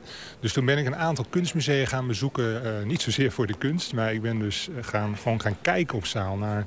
Wat doen bezoekers? En eh, als je bezoekers gaat volgen, je ziet sommige bezoekers... en dan weet je gewoon, dit komt niet aan bij hun. En dat zie je doordat ze of heel snel langs kunstwerken gewoon er langs lopen... Het onderzoek blijkt ook dat mensen gemiddeld 9 seconden naar een kunstwerk kijken. Eh, of eh, je ziet mensen verveeld kijken, of je ziet ze met elkaar praten over hele andere dingen, of op een telefoon. En ja, dan denk ik, er hangt, hangt zulke prachtige kunst in deze musea. Dat, daar is niks mis mee, het is geweldig. Er zitten prachtige verhalen achter verborgen. Ehm, ja, alleen die, die, die, die krijgen mensen zo niet mee. En eh, nou ja, daar is het waar dit boekje over gaat. Heel veel mensen staan hier ook kijken. Staand kijken is best wel lastig. En wel last van je benen. Ja, dit fenomeen, ik ken het nog niet, maar museumbenen. Het is trouwens klacht nummer 1 hè, bij eh, kunstmusea. Het, gewoon tekort aan, aan goede zitruimte. Terwijl als je kijkt, er is, is hier veel, veel loopruimte of veel vierkante meters. En eh, ja, alle bankjes zijn bezet. Dus je ziet dat er ook wel echt behoefte aan is. Maar waarom eh, een hardhouten bankje? En waarom niet een paar lekkere fauteuils? Waarom niet een kopje koffie erbij? Ehm, en dan krijg je denk ik ook, eh, wat je als museum veel meer zou willen... is ook gewoon gesprek tussen mensen. Eh, en dan zit je gewoon met z'n allen lekker in een bank te kijken. Het is wennen omdat het natuurlijk eh, iets heel anders is dan de White Cube... waar we zo gewend aan zijn geraakt. Maar je, je bedient er een publiek mee wat ja, misschien fijn vindt om ook even gewoon te zitten en, en zo te kijken. En wat anders misschien wegblijft. Kijk, dat sowieso, daar hebben we het nog niet over. Hè? Maar het is altijd eh, het gesprek over het publiek wat er is. Maar er is 80% van de Nederlanders bezoekt geen kunstmusea. En dat wil niet zeggen dat je die hele 80% kan binnenhalen. Maar er is een groot deel wat eh, best geïnteresseerd is in kunst. Best wel wil gaan, maar uiteindelijk niet komt. Ja. Ik wil even met zo- jou voor een kunstwerk staan. Ja. Kijken of we een mooi groot werk kunnen vinden. Ja, hier staan we dan. Sta je op de goede afstand, vind je? Het gaat even om Iets jou. verder hè? terug moet. Nou, ik ben benieuwd van wat, wat er dan eh, met jou gebeurt. Want je ziet dit nu. Wat, wat, eh, Ik ga allereerst proberen te duiden wat ik zie, ja. ja, wat zie je? Nou, ik zie een, in het midden wat ik denk dat een vrouw is. Met een eh, lang zwart gewaad, ook over haar hoofd. Ze zit tussen open graven. En het graf vooraan, waar ze naast zit, is kennelijk... interpreteer ik nu het graf van haar zoon. Want zij zit met voor zich een afbeelding van degene die daar kennelijk net begraven is. Eh, en aan het gewaad van die vrouw plaats ik het al in het Midden-Oosten. Nou, dat zou heel goed kunnen. We weten niet of het waar is, maar het klinkt heel aannemelijk hè, wat jij vertelt. Nou, dat zien we. En nu? Wat doe je nu? Nou ben ik geneigd om te gaan kijken of ik gelijk heb. Oké. En even, ben je al geïntrigeerd? Of je dit constateer je gewoon dat dit het beeld is? Of wat, wat voel je? Eh, iets van zwaarte. Dat roept het wel bij me op, ja. Maar Eh, jouw neiging was naar een tekstbordje te lopen. Ja. Dus wij lopen naar het tekstbordje. Nou, Marlene Dumas, dat wisten we al. Ja. Eh, The Mother. Ja. Dus dan kennelijk hebben we dat goed. Ja. Eh, uit Goed 2009. geraden, denk je dan? en nu? En heb je nu gevoel, want daar gaat het om, dat we op weg zijn om eh, ja, toch iets mee te krijgen over dit werk, waar dit nou over gaat? Of, en mijn, mijn stelling is, dit- is Marlène Dumas, dat is topkunst. Hè? Daar moet toch een verhaal achter zitten, of daar moet iets in zitten wat, wat verder gaat dan eh, op het niveau waar we nu zitten. Hè? Want we hebben nu beschreven van wat we zien. Heb je het gevoel dat we, daar, dat we daarin verder komen? Nou, afgezien van het feit dat we misschien een folder van deze specifieke expositie mee hadden kunnen nemen bij de Bali, wat we niet gedaan hebben. Eh, met dit bordje komen we niet veel verder. Nee, Maar ik zit me wel tegelijk af te vragen van, is het nodig dat ik veel meer weet? Ja, nou laten we even teruglopen. Nou, ik denk van wel, want eh, anders hebben we nu alleen het plaatje gezien en geconstateerd wat op het plaatje staat. En dan lopen we weer verder. Dan denk ik niet dat het kunstwerk echt eh, jou bij zal blijven. Eh, dus er zit hier veel meer achter ehm, wat je eigenlijk zou willen weten. Stel je voor dat hier nou een moeder naast zou staan. Stel je voor dat hier nou die moeder live naast zou staan en het verhaal vertellen wat hier gebeurd is. Of als hier een, een andere moeder naast zou staan die een verhaal vertelt over de dood van haar zoon naar aanleiding van dit werk. Hè, dat dit een soort interpretatie wordt op basis van het werk. Dat zijn allemaal manieren ehm, waar eh, de impact van het werk, eh, denk ik, enorm mee vergroot zou worden. Dan schiet mij de vraag te binnen, zou Dumas daar zelf gelukkig mee zijn? Ja, dat is een hele eh, interessante, belangrijke vraag ook. Kijk, ik geloof er sowieso in dat op het moment dat je iets maakt, of dat nou een schilderij is of een toneelvoorstelling of een film, op het moment dat je het de wereld instuurt, geef je dus aan het publiek. En dan heeft het publiek de kans en ook het recht, vind ik, om eh, er van alles in te zien. En dat zie je ook. Hè? Mensen die, eh, die ontdekken soms of die zien soms dingen in kunstwerken waar de maker soms helemaal niet aan gedacht had. De vraag is natuurlijk, op het moment dat je kunstwerken in een museum gaat hangen en je gaat er verhaal aan toevoegen of interpretatie toevoegen, ja, mag dat of niet? Nou, je neemt in ieder geval, je ontneemt bijna de kans voor andere interpretatie. Nou ja, dat, dat gebeurt nu natuurlijk ook al. Hè. De manier waarop kunst nu hier gepresenteerd wordt, ontnemen we ook andere mensen eh, een andere manier van kijken. Maar kijk, sommige kunstenaars zijn heel strikt erin, dat er nul context bij is. Het moet er alleen hangen. En dan moet het publiek naar kijken en dan zullen ze het begrijpen. Dat is het idee.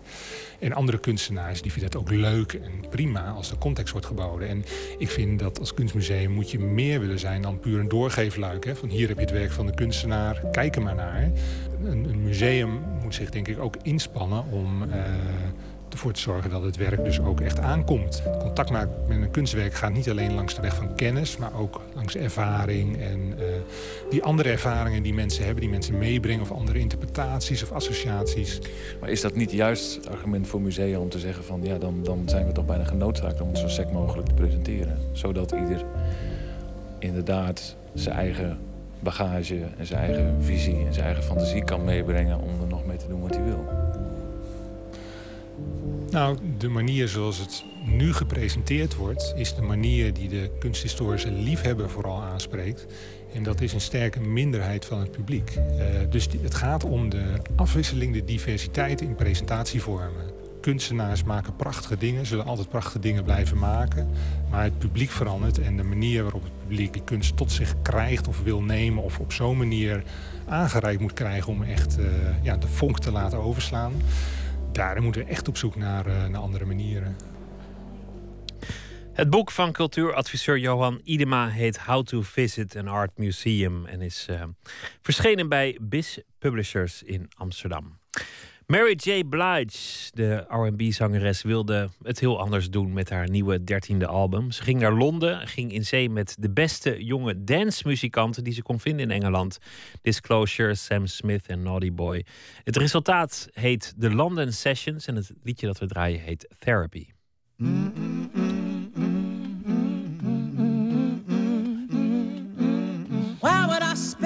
The rest rest of my days unhappy? Why would I spend the rest of this year alone? When I can go therapy, when I can go therapy, when I can go therapy two times a day. Why would I spend the rest of this week so bitter? And all that listening is making you bitter too. When I can go therapy, when I can go therapy, when I can go therapy two times a day. I don't wanna be around me, and I don't blame you if you're blocking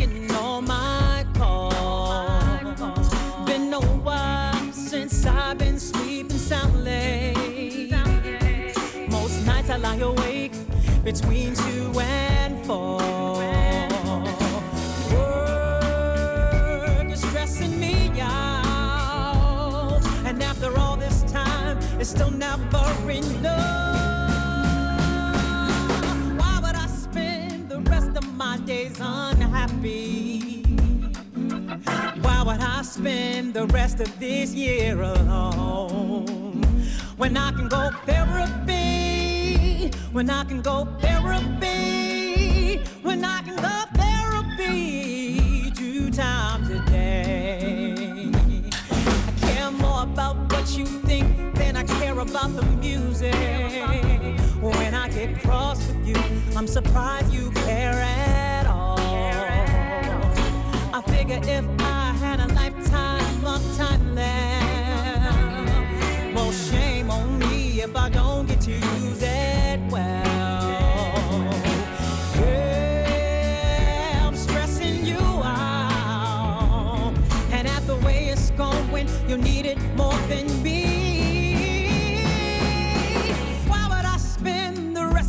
days unhappy?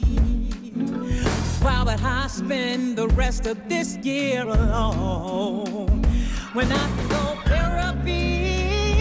When I can go therapy?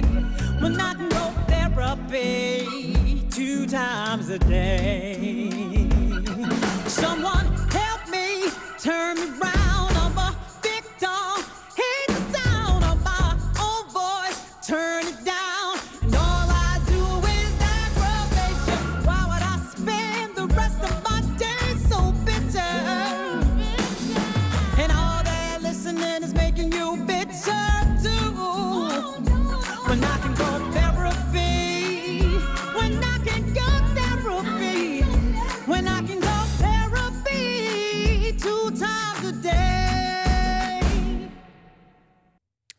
Niet bitter worden, maar gewoon in therapie gaan. Het had het advies van eh, Giet Op de Beek kunnen zijn, die in het eerste uur te gast was.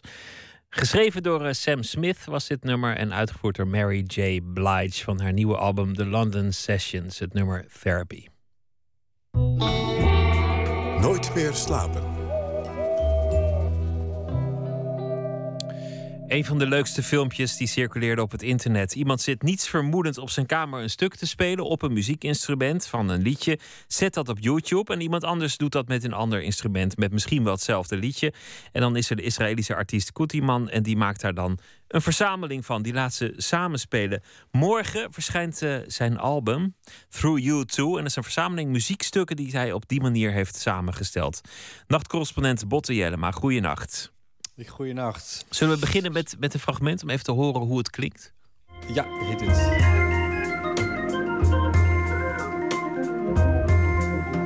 There is no one in this world more perfect for me. No one I'd rather see. Though my eyes may wander, baby, you got me under. Oh, how I fell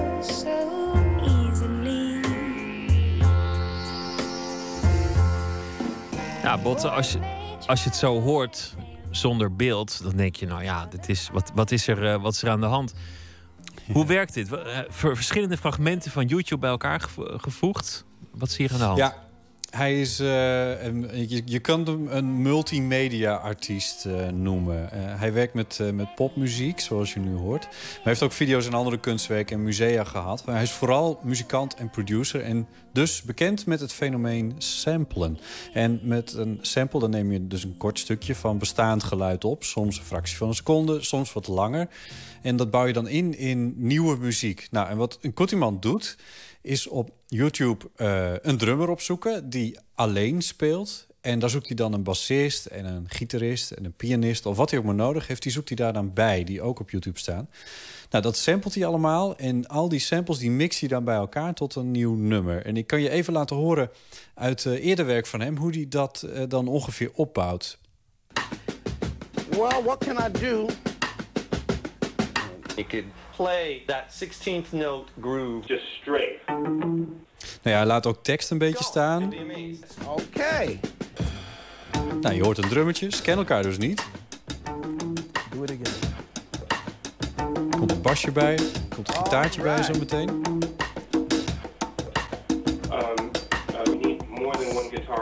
Guitar. There'll Okay. be somebody playing single notes, somebody playing chords, and they'll mix them together. Uh, okay. And let's just pick the mother of all funk chords. Let's pick a ninth chord.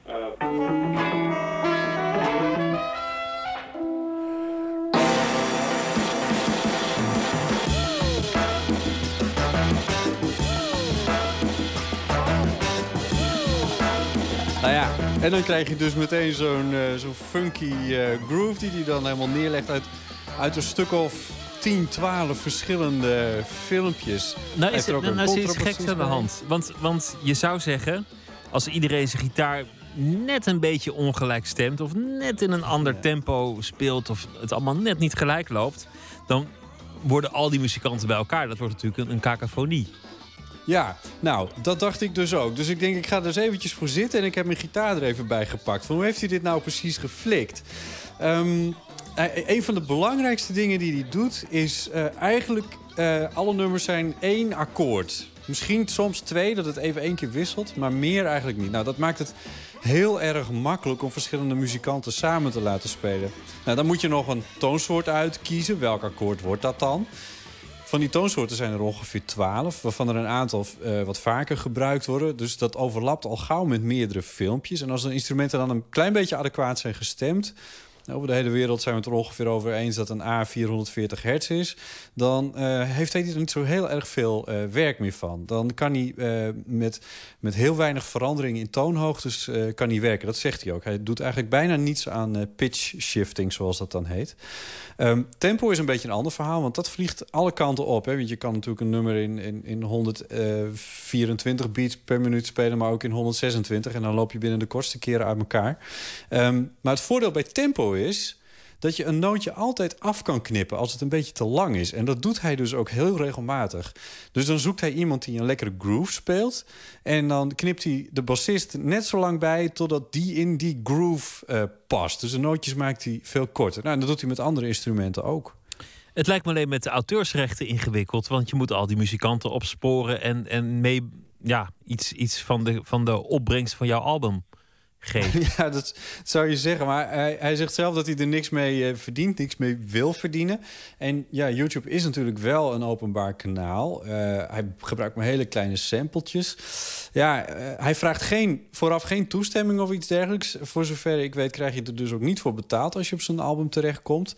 Ehm, maar het is wel zo dat hij de credits eronder zet. Want onder zijn YouTube-filmpjes, waar hij heel dankbaar is voor iedereen die wat heeft geleverd, zet hij linkjes naar de originele filmpjes. En die filmpjes die worden ook veel beter bekeken dan toen ze niet, nog niet gebruikt werden door uh. Dus nou ja, in die zin heb je er dan wel een voordeel van. Um, dat begon bijvoorbeeld bij een drummer. Een drummer die die zag op YouTube. En um, die zag hij zonder andere muzikanten uh, zo'n groove spelen. En daar besloot hij dan een nummer bij te maken. Nou, hij pakte zijn eigen basgitaar om daar een baslijntje bij te spelen. Maar toen bedacht hij van ja, ik, uh, ik, ik moet het eigenlijk kan ik zoiets ook wel op, uh, op YouTube vinden. Nou, dat vertelt hij in een interview bij NPR. Just before I plugged, you know, my bass guitar to play, I was thinking like, why should I play the bass? Why maybe I can find on YouTube somebody play bass and I put it on it. And from then on, you know, just fell in love with the idea and just I did the whole thing. Ja, want alles staat op YouTube. Dus er is ook wel iemand die de baspartij ergens speelt. De, de, de pret, als je het met beeld ziet, is, is dat je al die mensen op een, in een andere huiskamer ziet zitten, in een andere sfeer. En dat ze niet weten dat ze met elkaar spelen. Ja. Dat is natuurlijk een beetje de, de grap, dat je ziet waar het vandaan komt.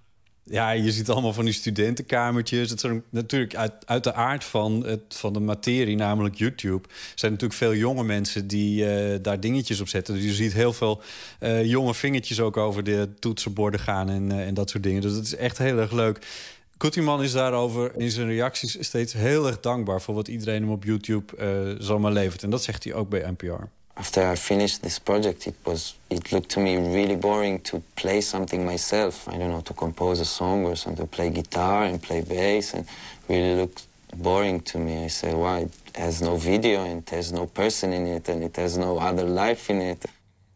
Hij vond het uiteindelijk leuker, maar hij vond het kennelijk dus ook leuker klinken. Kennelijk is er iets dat in klank beter werkt dan wanneer je gewoon muzikanten bij elkaar zet. Als je het op deze manier doet, kennelijk is het toch een soort sfeer of of een bepaald soort beat wat beter werkt? Nou, nou vermoed ik dat wat, dat wat dat betreft het bij hem vooral zit in dat hij het enorm naar zijn hand kan zetten. Misschien meer dan hij een andere muzikant naar zijn hand kan zetten. Want eh, met dat samplen, daar kun je natuurlijk mee doen wat je wil. Je kan een bassist precies een groove laten spelen zoals jij het in je hoofd hebt. En dat hoef je niet eerst hem helemaal uit te leggen, zo gezegd. Uh, en verder, ja, ik kan me goed voorstellen dat je er heel veel plezier in hebt als je ziet dat een meisje gewoon iets moois heeft ingezongen. En dat zet je dan bij elkaar. En dan vind je dan een bassist bij en iemand die cello speelt. En iemand die zo'n zo buis ondersteboven houdt waar een regengeluid uitkomt. Weet je, dat soort Alles zit erin. Ja, dat is natuurlijk ook een soort speeltuin waar je dan in terechtkomt. Het album uh, verschijnt vandaag. En uh, heb je er al iets van YouTube van kunnen, kunnen halen eigenlijk? Hij heeft de twee nummers die op het album komen, heeft hij al op YouTube uh, gezet. En waaronder het nummer Give It Up. En dat hebben we nu klaarstaan. This song is called... I don't know, maybe it'll be called Give It Up. Because that's like the... Um,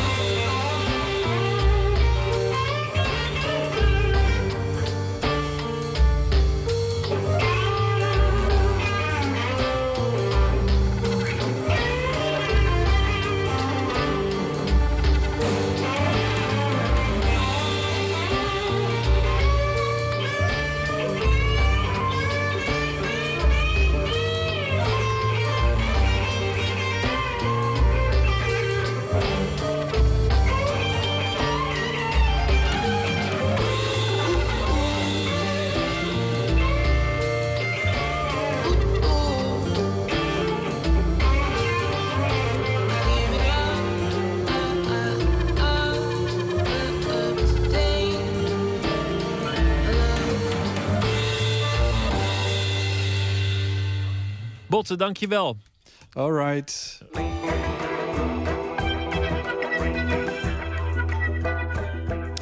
Koetzieman was dat met eh, Give It Up. U luistert naar de VPRO Nooit meer slapen. Vorige week verscheen het boek Dagboek 1944 van de Duits-Nederlandse of Nederlands-Duitse schrijver en psychiater Hans Kelson. Kelson schreef het in de vorige eeuw. Eh, toen schreef hij boeken over onder andere de Tweede Wereldoorlog. Zijn boeken werden pas 50 jaar na verschijnen ineens gewaardeerd. Dus op zijn honderdste werd hij ineens een bestseller-auteur. Anne Martens praat daarover met zijn vrouw Marita Kelson-Laurits, ook over dat dagboek.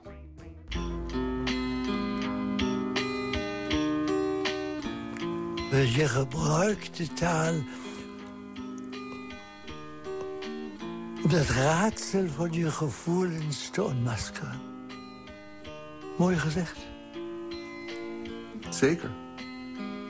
Dit is de stem van Hans Kelson in een opname van het radioprogramma De Avonden uit 2010. Toen was hij 100 jaar oud, maar inmiddels is hij alweer ruim drie jaar geleden overleden. Kelson was Jood, psychiater en schrijver. En vorige week kwam dagboek 1944 uit. Een dagboek dat hij schreef in een periode waarin hij ondergedoken zat in Delft. Hij heeft mij gevraagd om iets hem op te zoeken.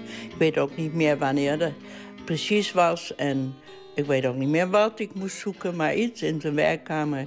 En toen kwam eh, dat schrift uit de la. En ik dacht, wat is dit nou? Zag er zo oud uit. En ging een beetje kijken. Ik dacht, hé, hey, handschrift. En toen ging ik daarmee naar beneden en zei... eh, wist je dat je dit nog had? En hij kon niet meer zo goed zien. Dat was het punt op dat moment. Dus ik heb dan eh, geprobeerd stukjes te ontcijferen... en heb hem dat voorgelezen. En ja, dus dat was duidelijk ook uit de hele tekst. Dat was het dagboek uit de tijd in Delft... dat hij was ondergedoken. Zijn vrouw, literatuurwetenschapper Marita Kelson-Laurits, heeft na zijn dood zijn dagboek getranscribeerd. En eh, schreef in het Duits, maar dus met heel veel Nederlandse woorden erin. En met heel veel eh, ook woorden die hij dan in een Duitse spelling opschreef. Op juist andersom, juist een Duits woord ineens in een Nederland.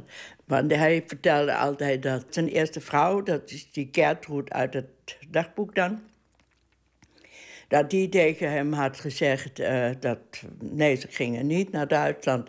Maar hij mocht de Duitse taal niet eh, verleren. En toen heb ik hem aan de hand van deze tekst een beetje gepest en gezegd van... ja, ja, nu begrijp ik wel waarom ze zei... je mag de Duitse taal niet verleren. Want daar was hij heel erg mee bezig. Want omdat die twee talen zo ergens op elkaar lijken... is het heel verraderlijk om daar de ene taal door de andere te mengen.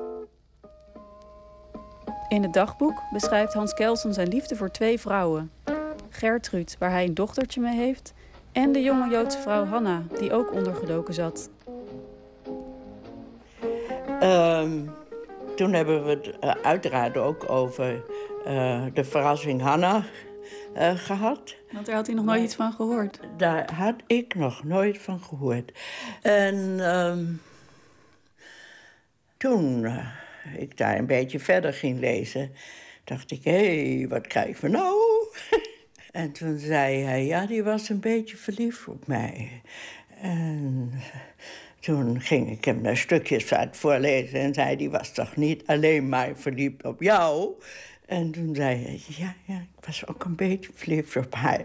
Maar het merkwaardige van het hele verhaal is dat hij... Op het, dus aan het einde van het dagboek besluit hij dus om terug te gaan naar Gertrud, die hier in Naarden zat. Die dus niet Joods was, niet hoefde onder te duiken. Wel een kind, een kind had van hem dus. En toen hij dus besloot om terug te gaan naar Gertrud en het kind in eind 44. En die laatste maanden was hij dan ondergedoken in Naarden bij Gertrud. Toen heeft hij kennelijk het doosje ergens dicht gedaan. Doosje van Hanna. Ja. Na zijn dood doken er ook 46 sonnetten op, merendeel geschreven voor Hanna. Ik wist van die hele gedichten helemaal niet af. Ik heb uh, dus na de dood van mijn man alle zijn nalatenschap een beetje geordend. Uh, dus één doos gedichten, één doos proza, literaire manuscripten, één doos uh, theater, dat soort dingen. En um, toen in die doos gedichten zat er dus zo'n ja, op dun schrijfmachinepapier met een oude schrijfmachine duidelijk geschreven gedichten. Maar hij had altijd verteld dat hij in de oorlog ook gedichten had vertaald. En omdat ik nooit had geweten dat hij allemaal sonetten heeft geschreven, uh, heb ik in eerste instantie gedacht: dit zijn vertalingen. Ik heb geen idee van wat. Dat moet ik even uitzoeken. Maar toen had ik dus die hele, uh, dat hele dagboek getranscribeerd. En de lector uit Frankfurt, die, uh, Roland Spaar, die kwam hier om uh, even met mij dat te bespreken en te kijken. En toen hadden we het ook over gedichten. En hij ging in die doos en hij zei, zou dus dit ook kunnen zijn? En toen bleek dus dat hij een aantal van die titels gewoon ook noemt in het dagboek. Dus het was zo klaar als een klontje dat dit de gedichten waren.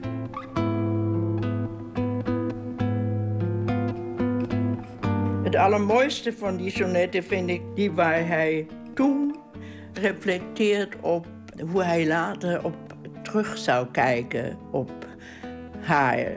Want dat is ergens is natuurlijk een uh, thema dat steeds maar weer uh, ja, tot de Beatles toe komt. Van hoe zullen we later kijken uh, op, op deze relatie terug.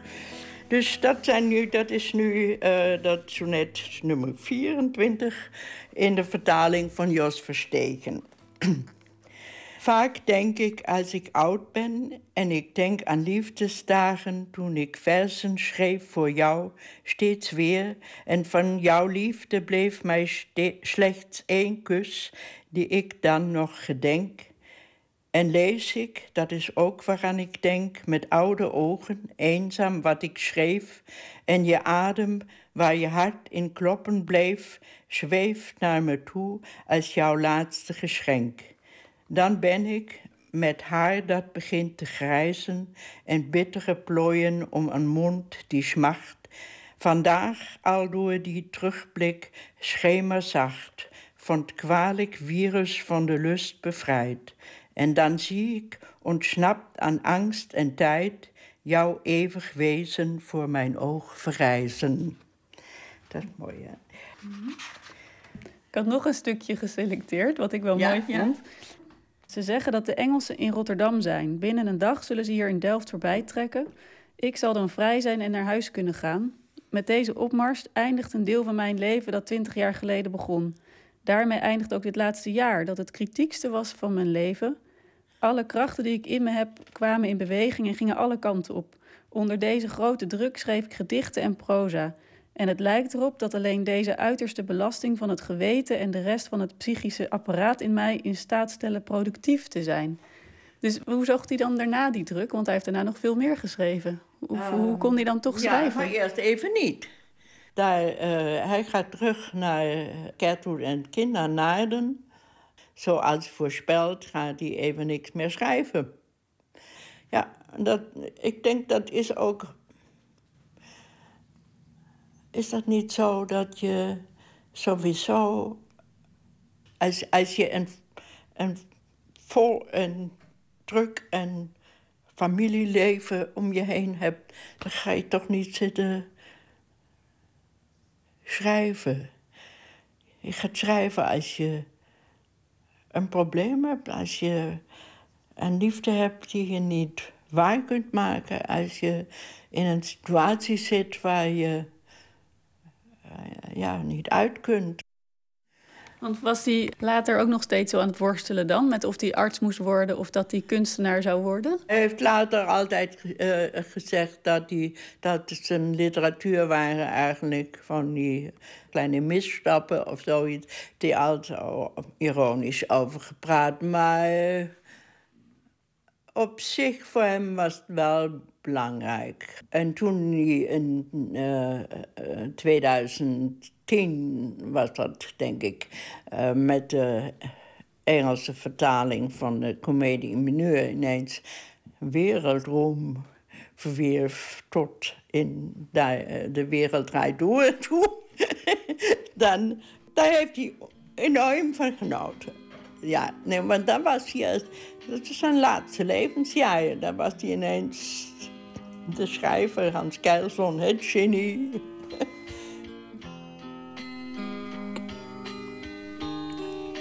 Mij blijft interesseren, wat is de mens? Want wie is de mens? Maar ik wil schrijven wat voor mij de mens is.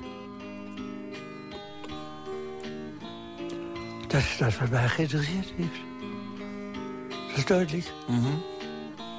Well, I could sleep forever, but it's of her I dream. If I could sleep.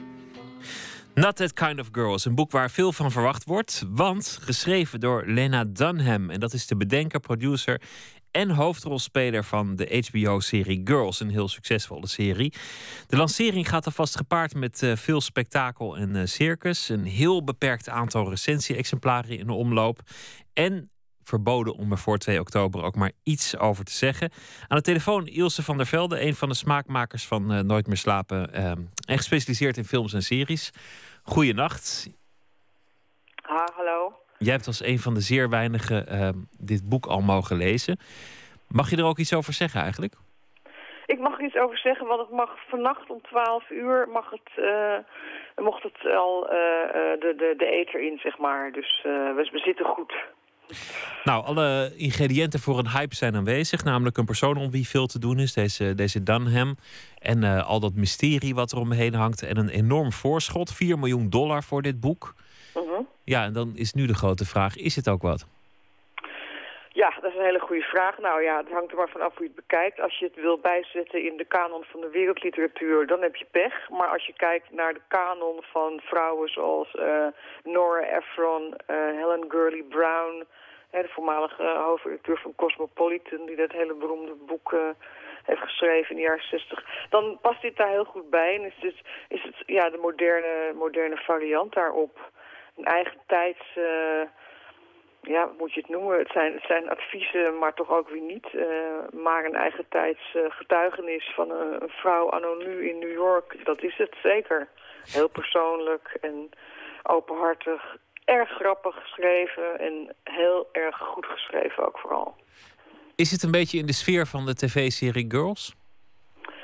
Ja, maar het is een soort verhevigde versie ervan. Dus die indruk die je van haar krijgt in Girls, hè, een, een nerv- nerveus, neurotisch eh, type... die de leven niet helemaal op de rails heeft of krijgt... eh, dat, dat zit hier ook in, in het boek. En dat blijkt nou, wat blijkt nou... ehm, Lena Dunham, die eh, leidt echt aan heftige onzekerheid... aan grote angsten, al van jongs af aan loopt vanaf de negende bij een psycholoog en is vanaf de veertiende aan de medicijnen. Eh, dus het is ook, ehm, het is meer dan alleen maar, ehm, ehm, ja moet je zeggen, jonge meisjes eh, levenspijn, zeg maar. Het gaat nog wel iets verder. Wat verklaart het- dat succes van, van Dunham? Want nou ja, dat succes moeten we maar afwachten of het boek het ook waar maakt. Maar op televisie heeft ze wel op de een of andere manier iets gevonden dat, dat aanspreekt. En er zijn al zoveel series voor en over en door jonge vrouwen gemaakt over liefdesperikelen. Waarom heeft zij nou net die niche gevonden? Nou, omdat, kijk, eh, zoveel series, dat klopt, maar, maar waar zijn maar heel weinig series die zo openhartig zijn en zo onverbloemd laten, willen proberen te laten zien hoe het echt is. Lena Dunham zie je rondlopen in een grote onderbroek in beeld met verder niks aan. En het is geen heel slank fotomodellenmeisje. Eh ze zet geen ideaalbeeld neer. Nee, het is de, de, de, de 10 kilo zware werkelijkheid die ze neerzet. Eh, en, dat, en dat geldt over de hele linie. Alles wat ze zegt en doet, en ook alles wat ze schrijft in het boek... het is allemaal heel oprecht en waarachtig. En het zit ook nog eens een keer vol zelfspot. En dat is een onweerstaanbare combinatie, denk ik. Lena Dunham, eh, wat is de titel van het boek? Het boek is Not That Kind of Girl. Ehm, levenslessen om vooral niet op te volgen is de Nederlandse ondertitel. En ik dacht dat het misschien leuk zou zijn om met een fragmentje te eindigen, eh, als dat eh, nog kan. Uit de inleiding, de, de openingsalinea. Ga je gang. Ehm, die luidt als volgt. Ik ben twintig en ik haat mezelf. Mijn haar, mijn gezicht, mijn bolle buik. Het trillen van mijn stem en de larmoyante toon van mijn gedichten. De manier waarop mijn ouders mij met een iets hogere stem toespreken dan mijn zus. Alsof ik een ambtenaar ben, die is doorgedraaid en omzichtig moet worden benaderd... omdat ik anders de gijzelaars die ik in de kelder heb vastgebonden zal opblazen. Ik verstop deze haat onder een soort agressieve zelfaanvaarding. Ik verf mijn haar fluoriserend geel en neem een kapsel met een matje. Ik krijg enorme ruzie met mijn moeder als ik besluit in een naveltruitje met bananenprint en een roze legging naar het Vaticaan te gaan, waar gelovige toeristen me aangapen en zich afwenden. Nou, dit, dit, dit, dit, Ik is, heb, hard, eh, dit is hard en voeten uit. Ik heb de sfeer te pakken. Ilse van der Velde, dank je wel en een eh goede nacht. Hetzelfde, dankjewel. Dag. En zo zijn we bijna aan het einde gekomen van deze aflevering van Nooit meer slapen. Morgen zit hier Esther Gerritsen, schrijver. Ze heeft een boek geschreven, Roxy. En dat is de opvolger van haar gevierde roman Dorst. En het gaat over, eh, nou ja, laat ik het kort houden, het menselijk eh, tekort.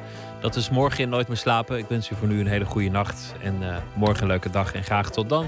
En straks op eh, deze zender met WNL met Nog Steeds Wakker. Een hele goede nacht.